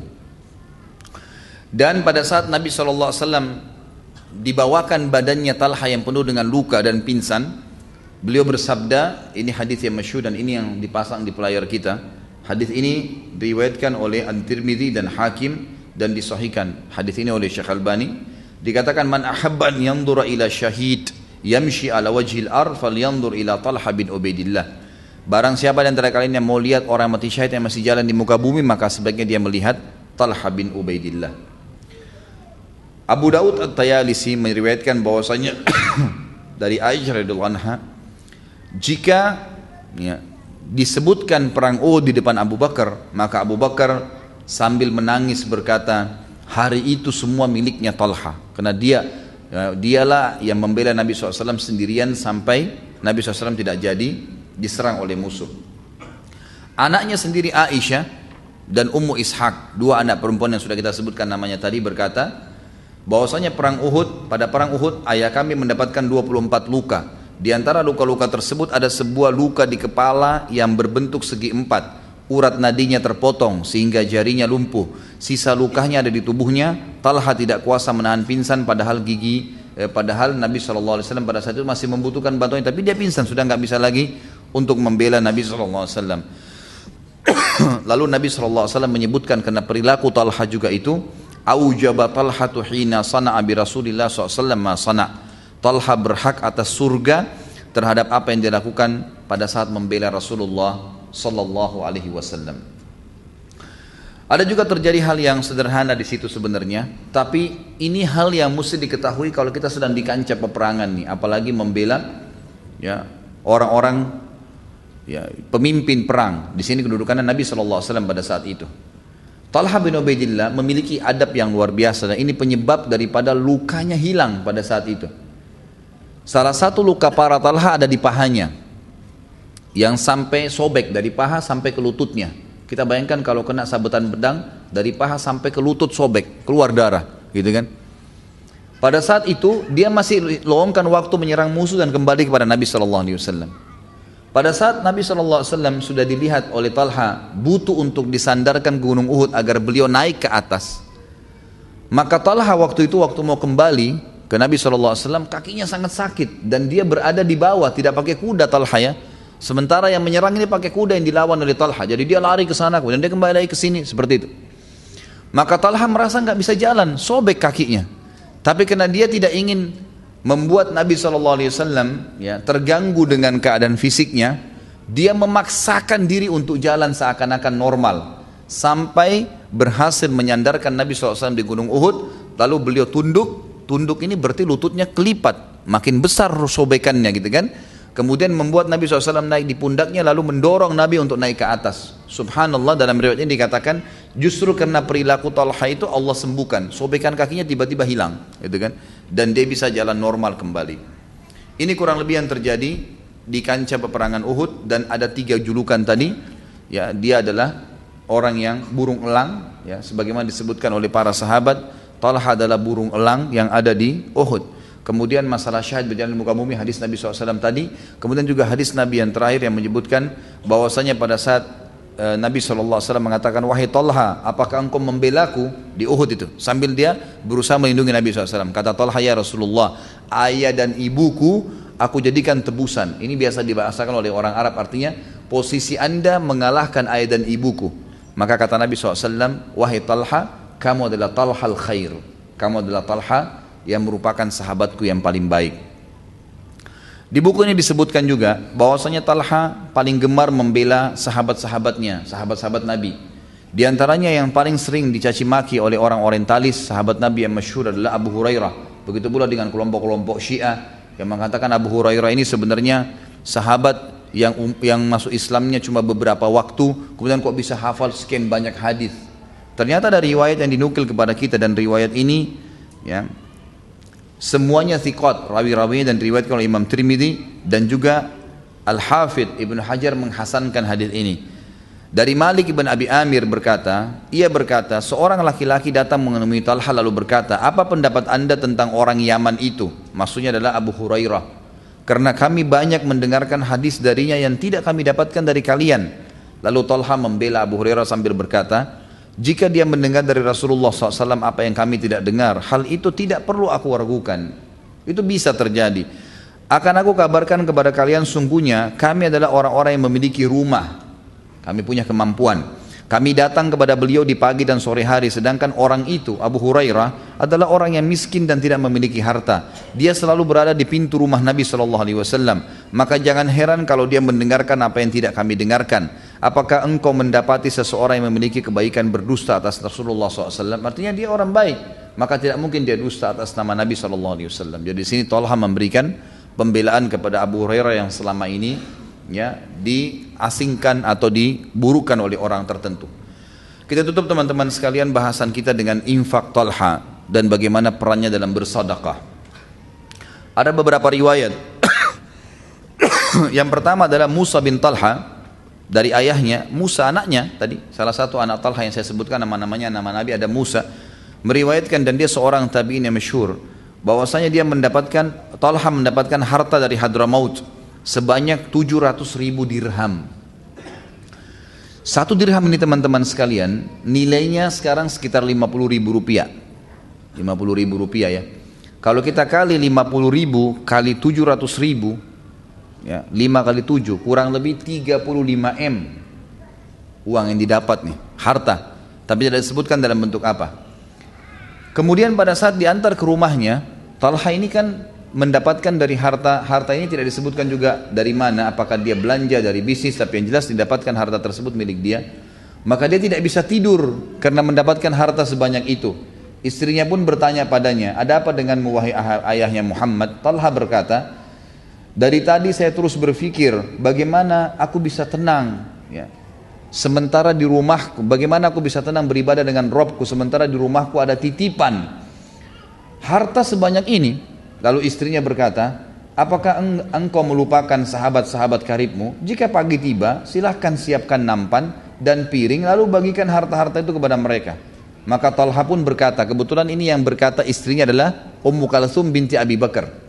Anaknya Abu Bakar tadi istrinya beliau berkata seperti itu. Lalu Talha tiba-tiba tersenyum dan berkata, sungguh kamu adalah wanita yang telah mendapatkan petunjuk dari orang yang telah mendapatkan petunjuk. Maksudnya Abu Bakar yang juga mendapatkan petunjuk.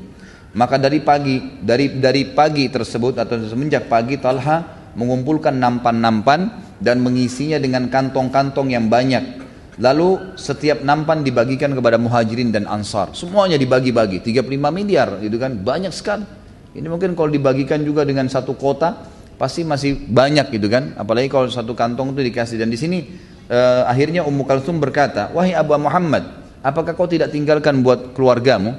Maka kata Talha, "Kenapa dari tadi kau tidak ingatkan saya? Ambillah satu nampan." Diambil satu nampan oleh Ummu Kalsum radhiyallahu anhu majma'in. Itu ada beberapa kantong. Kata Ummu Kalsum, satu kantong isinya seribu dirham. Ya, seribu dirham. Jadi seribu dirham kita kali ya. Jadi eh, lima puluh ribu kali seribu, gitu kan? Itu mungkin berapa? 10 juta ya. Lima puluh juta ya. Kurang lebih seperti itu. Itu yang yang yang kurang lebih yang dibagikan oleh Talha pada saat itu. Jadi dia tidak meninggalkan satu dirham pun dari yang baru datang itu, semua dibagikan. Dalam riwayat lain dikatakan bahwasanya satu waktu Su'dah binti Auf, ini istrinya yang pertama. Juga pernah terjadi hal yang sama dia menyampaikan, suatu hari aku menemui suamiku Talha dalam kondisi lesu. Teman-teman yang pegang buku itu di halaman 413 ada ditulis dalam paragraf yang kedua dari Su'dah itu tulis dalam kurung istri Talha. Jadi tahu. Karena di sini riwayatnya kesannya e, cuman seseorang wanita yang datang kepada Talha tapi ini adalah istri beliau. Datang kepada Talha dia terlihat lesu maka aku bertanya kepadanya ada apa dengan dirimu? Maka apakah engkau curiga dengan salah satu keluargamu istrimu maksudnya ada yang sesuatu yang kamu curiga dengannya hingga kamu sedih? Kata Talha tidak sama sekali. Kalian adalah orang yang baik-baik ya. Istri-istri yang baik tidak ada masalah. Lalu yang membuat aku apa yang membuat kau sedih dia mengatakan adalah harta yang aku milikin yang aku sendiri gelisah dengannya maka istrinya berkata bagikan saja kepada kaummu maka Talha pun segera memanggil pelayannya sambil mengumpulkan harta yang ada di rumahnya selain yang 700 ribu tadi ya ada 400 ribu lagi 400 ribu ini masuk ke rumahnya karena dia anggap banyak kebutuhan dia sehari eh, kurang lebih kurang lebih yang dibutuhkan adalah 50 dirham ini berkumpul 400 ribu dirham, kurang lebih 20 miliar. Bukan disimpan sama dia. Bukan diperbaikin rumahnya. Dikumpul, dibagikan semua. Dalam riwayat lain dikuatkan, menguatkan riwayat ini dikatakan Talha bin Ubaidillah. Mulai malam itu membagikan harta yang 400 ribu, 20 miliar tadi dari malam sampai subuh. Kemudian subuh berhenti, gitu kan? Subuh berhenti, lanjut lagi habis subuh sampai duhur. Baru kemudian habis. Setelah habis Talha pun bin Ubaidillah sujud syukur kepada Allah dan memuji Allah karena berhasil mengeluarkan harta tersebut. Jadi ini kita bisa lihat luar biasa bagaimana Talha radhiyallahu anhu membagikan hartanya. Kemudian juga dalam riwayat yang lain Hasan Basri pernah berkata bahwasanya Talha menjual sebidang tanah dengan harga 700 ribu. Jadi ini tanah yang sangat mahal dan luas, kurang lebih tadi sekitar 35 miliar. Ini uang yang lain lagi, selain 700 ribu tadi yang datang dari Hadramaut. Pada malam itu ia tidak bisa tidur karena harta tersebut, kemudian pagi hari dia langsung membagi-bagikannya. Dia langsung bagi. Jadi dihabiskan semuanya. Dan terakhir masalah infaknya beliau yang dinukil adalah seorang Arab Badui datang kebetulan punya hubungan kerabat dengan Talha. Lalu dia berkata, "Wahai Aba Muhammad, aku meminta kepadamu sesuai dengan jalinan silaturahim di antara kita agar engkau membantuku." Kata Talha, "Saya belum pernah kedatangan orang yang meminta khusus membawa nama keluarga dan itu punya nilai sendiri dalam agama membantu keluarga Pernah ada sahabat mengatakan saya punya ini kisah lain ya. Sahabat mengatakan ya Rasulullah saya punya dirham saya menginfakkan. Ada ada keluarga saya miskin, ada juga orang miskin yang lain. Lalu siapa yang saya kasih? Kata Nabi SAW, kalau kau kasih yang punya hubungan kerabat denganmu, kau akan mendapatkan dua pahala. Sodakahnya dan juga pahala silaturahimnya. Talha faham benar hadis ini, radhiyallahu anhu. Maka beliau mengatakan, saya punya tanah, nilai tanah itu 300 ribu dirham. 300 ribu ya. Kalau dikali 50 ribu rupiah itu 15 miliar, gitu kan? Banyak sekali. Dia bilang, ini dia mau kasih kepada kerabatnya miskin nih. Dia bilang, kalau kau mau, saya kasih kamu tanah itu. Atau, kalau kau mau, tanah itu saya beli dari Uthman bin Affan, saya akan jual kembali kepada dia dengan nilai yang sama yang saya beli 300 ribu, tidak usah ada keuntungan, saya akan kasih ke kamu. Maka orang itu mengatakan berikan saja kepada saya uangnya, nggak usah tanahnya. Maka dia pun menjual kepada Uthman, kemudian mengambil uang 300 ribu dirham. Ini luar biasa, gitu kan? Yang 15 miliar dikasih kepada orang itu semuanya dibawa pulang. Dan ini yang menyebabkan akhirnya Talha mendapatkan julukan yang cukup banyak di antaranya Talha al-Fayyad ya, yang terkenal yang sangat dermawan, Talha al-Jud yang murah hati dan seterusnya. Kemudian juga ada beberapa poin sedikit di sini sebagai penutup adalah peran Talha di perang Jamal dan ini sedikit sebenarnya sudah saya singgung juga pada saat Ali ya. Waktu perang Jamal, Talha, Zubair dan Aisyah radhiyallahu anhu majma'in membaiat Ali di Madinah. Setelah membaiat Ali radhiyallahu anhu di Madinah, mereka keluar ke Mekah. Uh, uh, tentu Aisyah duluan ke Mekah, Talha dan Zubair sudah ada di Mekah, gitu kan. Kemudian mereka dikirimi surat oleh orang-orang Irak. Saya jelaskan di akhir cerita Ali yang lalu Kemudian dia e, dikirimkan surat bahwasanya ke sinilah kalian bertiga, kami akan membantu kalian karena waktu itu Talha, Zubair dan dan Aisyah meminta kepada Ali tangkap pemburunya Utsman. Kami akan dukung kalian untuk itu. Lalu ternyata pada saat Aisyah, Talha dan Zubair menuju ke Irak, ternyata pasukan orang-orang Irak yang saya sudah katakan itu hari, mereka adalah banyak sekali pengkhianat, gitu kan?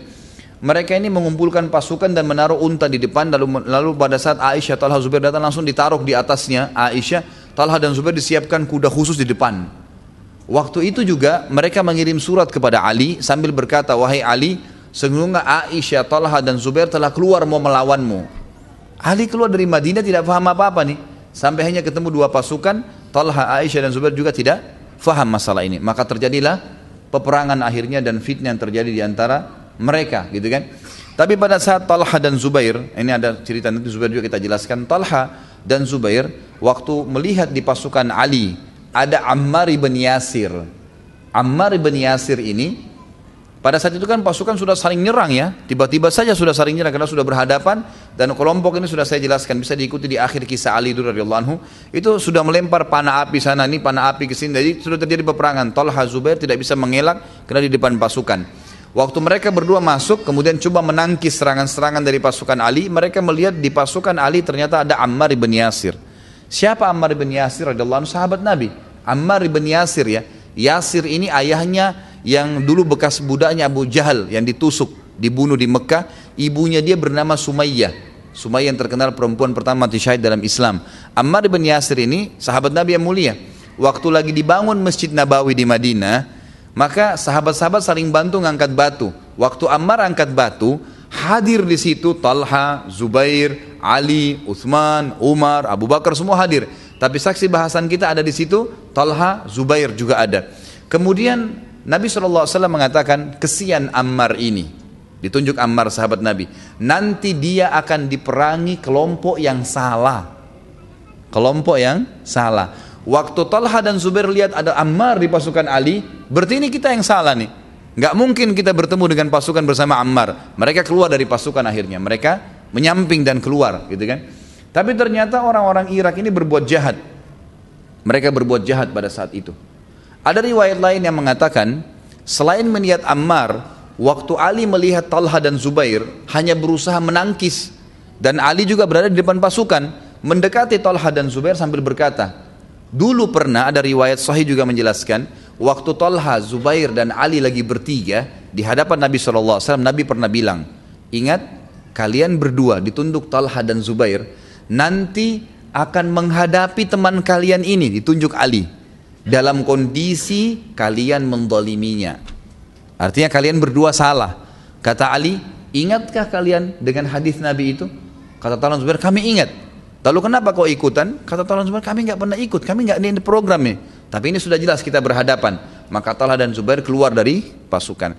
Nah pada saat keluar dari kancah peperangan, ternyata ada orang-orang yang memang dasarnya mau membunuh, memang mau membuat kekacauan di kalangan sahabat itu adalah Amr bin Jurmuz. Dia langsung melihat waktu Zubair bin Awam keluar datang dari belakang ditusuk Zubair bin Awam dibunuh. Nanti ada kisah dari di kisah Zubair insya Allah sementara Talha bin Ubaidillah waktu keluar dari kancah peperangan itu dipanah oleh Marwan bin Hakam. Ini salah satu kelompok khawarij pimpinan khawarij yang memanah dengan panah bisa yang kena lututnya Talha dan akhirnya berdarah jatuh tersungkur dan akhirnya mati pada saat itu. Jadi ini kemudian lebih kisah meninggalnya Talha Imam Az-Zahabi berkata, pembunuh Talha memikul dosa sama dengan pembunuh Ali. Dan Ali berkata, pada saat itu setelah selesai peperangan, melihat jenazahnya Talha, dia berkata, sampaikan berita kepada pembunuhnya Talha bahwasanya dia masuk penghuni, penghuni neraka dan saya mendengarkan itu dari Nabi Shallallahu Alaihi Wasallam. Ternyata Ali punya hadis yang didengar dari Nabi SAW kalau nanti Talha akan dibunuh oleh penghuni neraka. Itulah kelompok Khawarij yang telah membunuhnya. Kemudian Ali juga dalam riwayat lain mengatakan, waktu melihat Talha jatuh dan dipenuhi dengan debu, maka dia memegangnya sambil menangis dan berkata kepada anaknya Hasan, coba seandainya saya mati dari 20 tahun yang lalu, saya tidak hadir dalam peperangan ini. Karena membunuh Talha ini bukan program saya dan ini sahabat yang mulia. Ini yang terjadi. Kemudian Ali sempat berkata kepada Abu Habibah, ini eh, bekas budaknya Talha yang dibebasin. Dia mengatakan, Ali bertemu dengan Imran. Uh, Abu Habibah ini meriwayatkan kisah ya bahwasanya pernah Imran ibn Talha anaknya Talha bertemu dengan Ali lalu Ali berkata kepada Imran anaknya Talha sesungguhnya ayahmu dan aku masuk dalam firman Allah Subhanahu wa taala dalam surah Al-Hijr ayat 47 A'udzu billahi minasyaitonir rajim. Wa naza'na ma fi sudurihim min ghillin ikhwanan ala surri mutaqabilin. Yang artinya nanti kami akan lenyapkan rasa dendam yang ada dalam hati mereka ya mereka akan menjadi bersaudara dan duduk berhadap-hadapan di atas dipan-dipan di surga. Jadi artinya saya dan ayahmu dua-dua tidak memprogramkan masalah itu. Jadi seperti itu kurang lebih terbunuhnya Talha. Yang kita bisa ambil dari kisah Talha, ternyata orang mati syahid tidak selamanya dibunuh oleh orang kafir, tapi bisa saja dibunuh oleh orang yang berbuat zalim, gitu kan? Talha dihitung mati syahid dan oleh Nabi SAW ternyata karena dibunuh oleh Marwan ibn Hakam tadi pimpinan orang Khawarij yang memang zalim. Dia tidak mau perang berhenti, sementara Talha mau keluar dari peperangan tersebut, akhirnya terbunuh. Dan sebagai penutup pada saat Talha sudah meninggal dunia, penulis buku di sini mengatakan Allah menjaga jenazahnya, jasadnya setelah dia meninggal. Dikatakan setelah 30 tahun Talha meninggal dunia, maka sempat ada salah satu ya, teman dekatnya mendatangi Aisyah binti Talha, anaknya Aisyah. Anaknya Talha, maaf, Aisyah tadi. Dikatakan kepadanya, aku melihat ayahmu dalam mimpi, Talha, dan dia berkata, katakan kepada Aisyah, pindahkan aku dari tempat ini, maksudnya dari liang lahatku ini pindahkan, karena kelembapannya atau airnya telah menggangguku. Lalu Aisyah pun berkata pada saat itu karena dia tahu ini teman sahabat ayahnya dan terpercaya, dia pun mengumpulkan beberapa orang untuk menggali kembali kuburan ayahnya Talha. Pada saat digali ternyata ditemukan jasad Talha masih utuh Bahkan hanya ada beberapa helai rambut saja di jenggotnya yang berwarna putih. Semuanya masih utuh, tidak ada yang rusak sama sekali.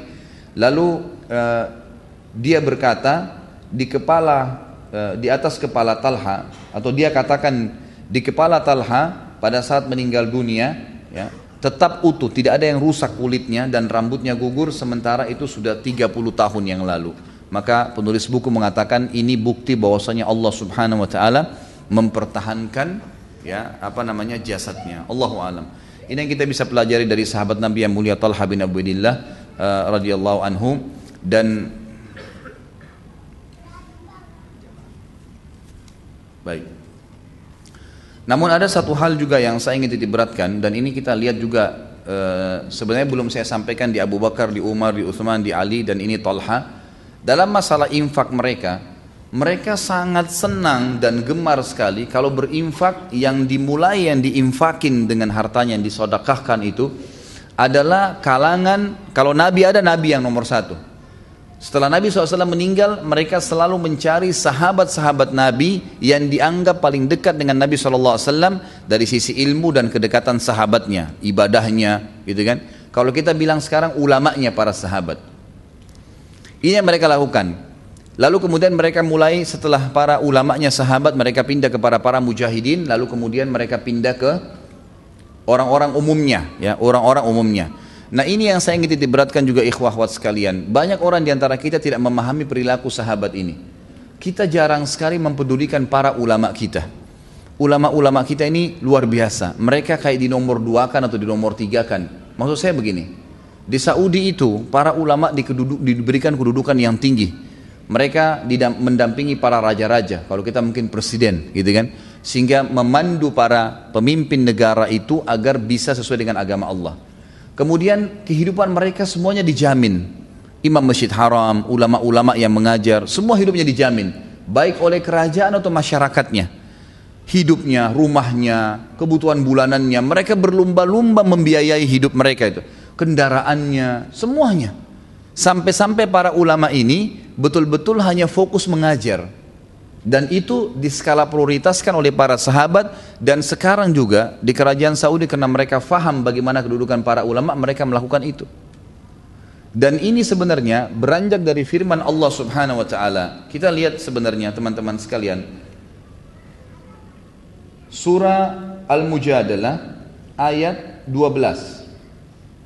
Allah subhanahu wa ta'ala menjelaskan tentang bagaimana adabnya sahabat kalau sedang didatangin atau mendatangin Nabi SAW untuk bertanya.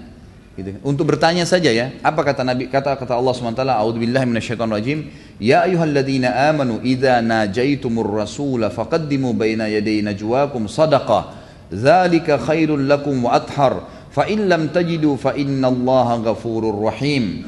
Surah Al-Mujadalah ayat 12. Artinya wahai orang-orang yang beriman, apabila kamu mengadakan pembicaraan khusus dengan Rasul, hendaklah kamu mengeluarkan sedekah kepada orang miskin. Di sini sebenarnya terjemahan terus kepada orang miskin, tapi yang benar adalah mengeluarkan sedekah yang kalian serahkan kepada Nabi. Yang demikian itu lebih baik bagimu dan lebih bersih. Tapi jika kamu tidak memperoleh yang akan disedekahkan, akan diberikan kepada Nabi, maka sungguh Allah Maha Pengampun lagi Maha Penyayang. Maksudnya apa? Saya ingin titip beratkan teman-teman sekalian. Banyak orang kita di Indonesia, subhanallah. Saya tahu teman-teman saya, tidak semua ustadz dan dai, alim ulama, gitu kan? Tidak semua mereka punya kemampuan finansial. Tidak semua. Kadang-kadang saya sendiri pribadi kerepotan pada saat saya harus membagi waktu antara mengurus usaha saya, antara mengurus usaha dan juga mengurus dakwah. Kita dari pagi keluar ceramah, saya kemarin hari Kamis ikhwas sekalian dari jam 7 pagi keluar dari rumah, pulang isya ke rumah. Dari pagi sampai malam. Hampir tiap hari programnya begitu. Kira-kira kapan ngurus yang lainnya nih? Alhamdulillah masih ada beberapa orang ikhwah yang bisa saya ajak sama-sama kerjasama kemudian akhirnya bisa berjalan minimal menutupi kebutuhan hidup. Tapi ada banyak di antara dai-dai kita tidak ada sama sekali waktunya. Tapi anehnya umat Islam kita masih belum memahami tidak menganggap membiayai seorang alim adalah sebuah ibadah.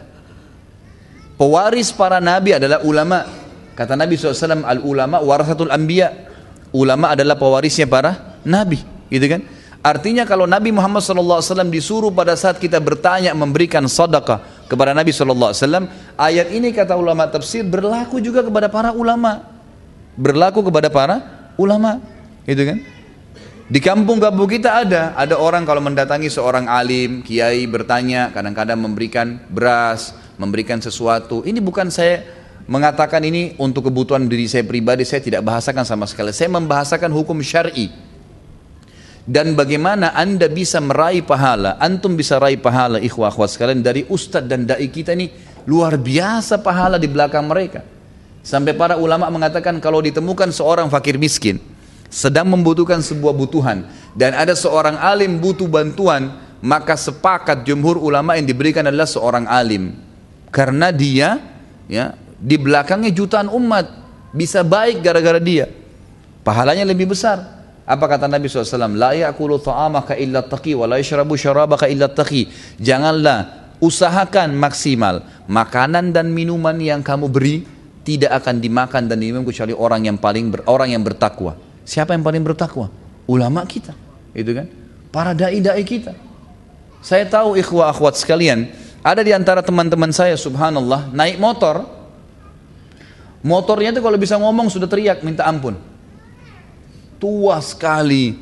Sampai ada yang ngomong sama saya, akhi, motor ana ini seorang dai, saya nggak usah sebutin namanya, saya tahu benar beliau. Ini motor saya, motor ana ini setiap hari jalan 200 km. Dari Bogor ke mana-mana sampai ke Jakarta bolak-balik ke Depok diundang sana sini. Kalau tidak datang sekali jemaahnya kecewa, gitu kan?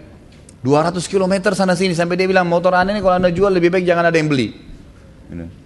Tapi motornya sudah tua, Kenapa tidak ada orang yang berpikir, gitu kan? Sodokahkan uang kumpulin biayai motornya antum panen pahalanya.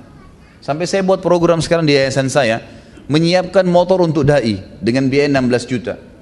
Kemarin Masya Allah semoga Allah balas seorang ibu pengajian datang ke saya langsung berikan. Ini Ustaz saya sama suami saya sepakat beli 7 motor untuk dai. Langsung dikasih sama dia. Saya sudah transfer ke rekening Ustaz. Baik zakillah. Butuh kuitansi nggak usah Ustaz. Allah yang tahu saya sudah percaya. Langsung saya alokasikan si fulan yang saya tahu, si fulan yang saya tahu. Bayangin dalam satu pengajian saya pernah perkirakan kurang lebih hadis yang saya bahas saya pribadi ya banyak teman-teman dai yang masya Allah di atas saya jauh gitu. Dalam satu pertemuan dari pagi tiga kali pengajian, empat kali pengajian kadang-kadang saya hitung hadis yang saya sebutkan tidak kurang dari kurang lebih 200 hadis. Tidak kurang dari 200 hadis. Sering kita ucapkan Rasulullah SAW, Rasulullah SAW, Rasulullah SAW bersabda selalu tidak kurang dari 50 hukum. Hukum ini, hukum ini, hukum. Sejarah, banyak. Berapa banyak kita panen pahalanya nih? Subhanallah, orang-orang yang pemahamannya keliru, mohon maaf saya banyak tidak usah sebutkan, kelompok-kelompok dalam Islam yang keliru, mereka malah memuliakan para dai-dai mereka. Kalau kita kenapa tidak? Saya bingung gitu. Kenapa kita nggak programin untuk mengetahui kebutuhan rumah dia apa, berasnya, gulanya, cari dai-dai mana mereka yang giat berdakwah, berikan kepada mereka. Antum panen pahalanya, tumbuh badannya, jadi amal jariah, dia berdakwah kuat gara-gara pemberian kita. Kendaraannya, mungkin rumahnya, ada yang rumahnya sudah sangat tua, kesian. Saya tahu seorang hafid Quran, lulusan masuk termasuk lulusan terbaik waktu di Madinah, dia malah di kakak angkat saya, kakak angkatan saya hafal Quran. Rumahnya masih tinggal di dekat saya, dekat Conde di dalam gang. Motornya tua, ngajar taklim ke sana sini. Subhanallah, gitu kan?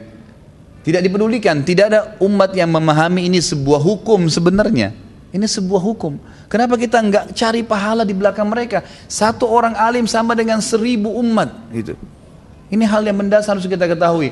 Kadang-kadang subhanallah ada kasus yang terjadi. Ada yang menipu ustadz bukan membantu, menipu. Subhanallah. Gitu kan? Ada yang datang ceramah, perhitungannya kasih kalau ustadz itu, ah cuman ustadz kasih aja. Subhanallah, dia mau hidup dari mana dengan 200 300 ribu amplop itu? Dia punya anak tiga, empat, mau biaya istrinya, mau ini, mau itu, nggak ada. Baru umat ini ngeluh kalau nggak didatangin, gitu kan? Jadi memaksa harus didatangin tempat-tempatnya, kemudian tidak dibiayain hidupnya. Subhanallah. Di Saudi sekarang LSM itu banyak ada kafala duat namanya, mengkafili pada dai-dai supaya mereka fokus.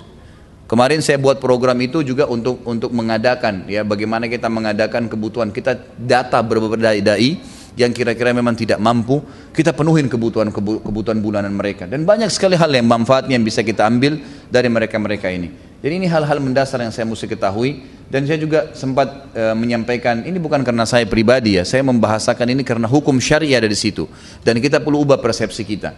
Saya dapat data di Jakarta ada teman-teman kita yang mengadakan tablik akbar memanggil ustadz-ustadz yang masyhur, bagus masya Allah penyampaiannya.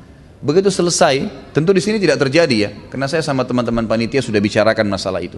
Tapi ada banyak, saya tahu seseorang yang menyampaikan saya Ustadz, kami adakan tablik agar kemarin sama Ustadz Fulan, masyhur, Ustadz Sunni, Masya Allah yang luar biasa.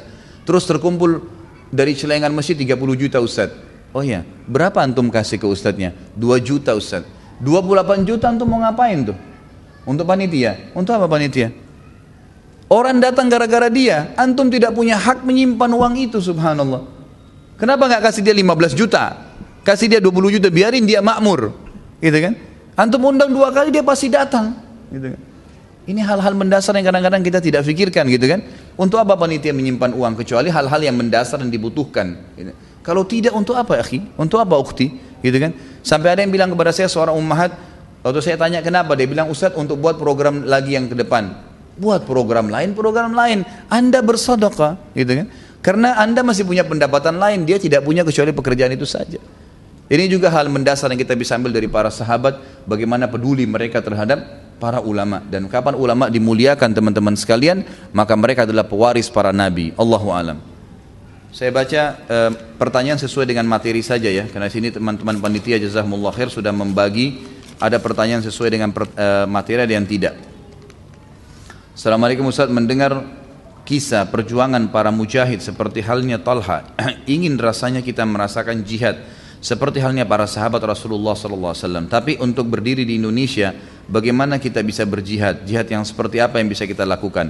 Tentu uh, kita berusaha banyak kan, teman-teman kita. Yang tadi saya jelaskan di Palestina kita doakan. Ada sudah beberapa LSM di Indonesia yang sering membantu ke sana. Kita ikut, karena jihad bisa dengan harta, bisa dengan harta, dengan jiwa, dan juga bisa dengan doa.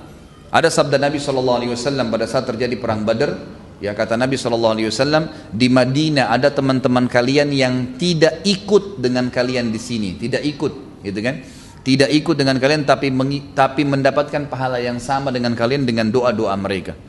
Jadi kita lakukan itu. Kapan dibutuhkan satu waktu ada jihad, kita melawan tentunya menggunakan. Dan ingat, kalaupun tidak terjadi sampai anda meninggal, sabda Nabi SAW pegangi. Hadis sahih kata Nabi SAW, "Man talaba syahada bisidq ballagahu Allahu manazil syuhada wa in mata ala firashi. Siapa yang meminta memohon kepada Allah dengan tulus dalam doanya untuk mati syahid maka Allah akan memberikan dia kedudukan mati syahid walaupun dia mati di atas ranjangnya.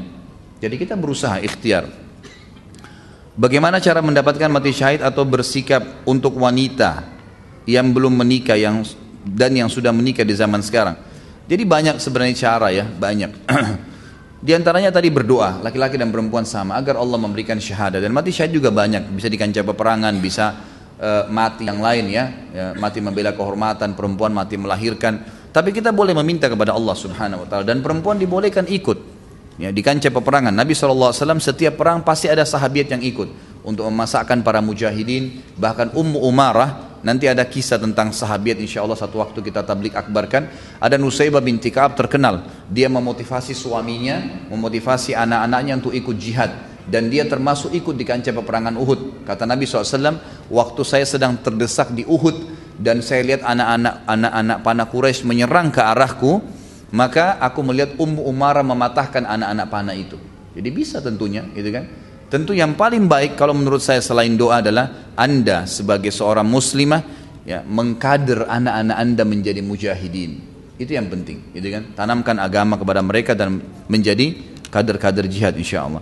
Bagaimana cara syahid pada zaman sekarang? Ini sudah dijelaskan tadi ya.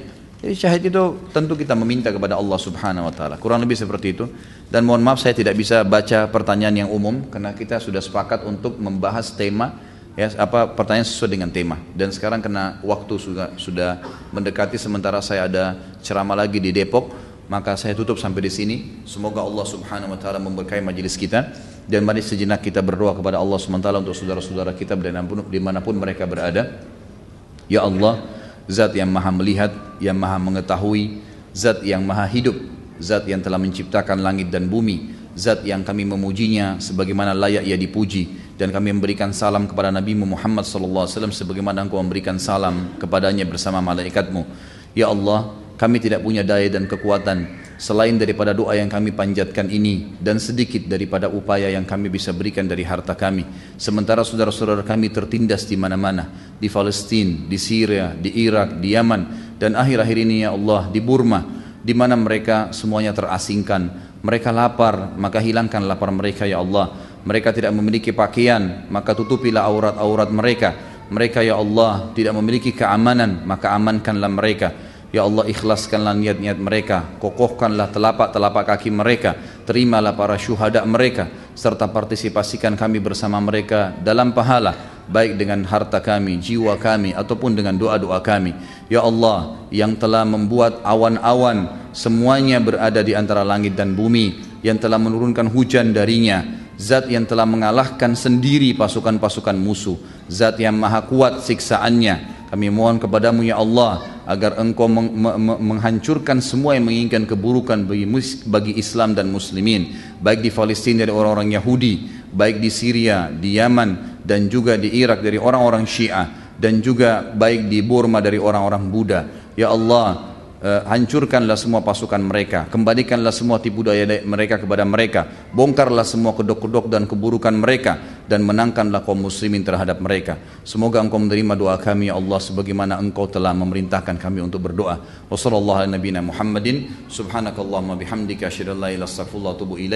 Wassalamualaikum warahmatullahi wabarakatuh.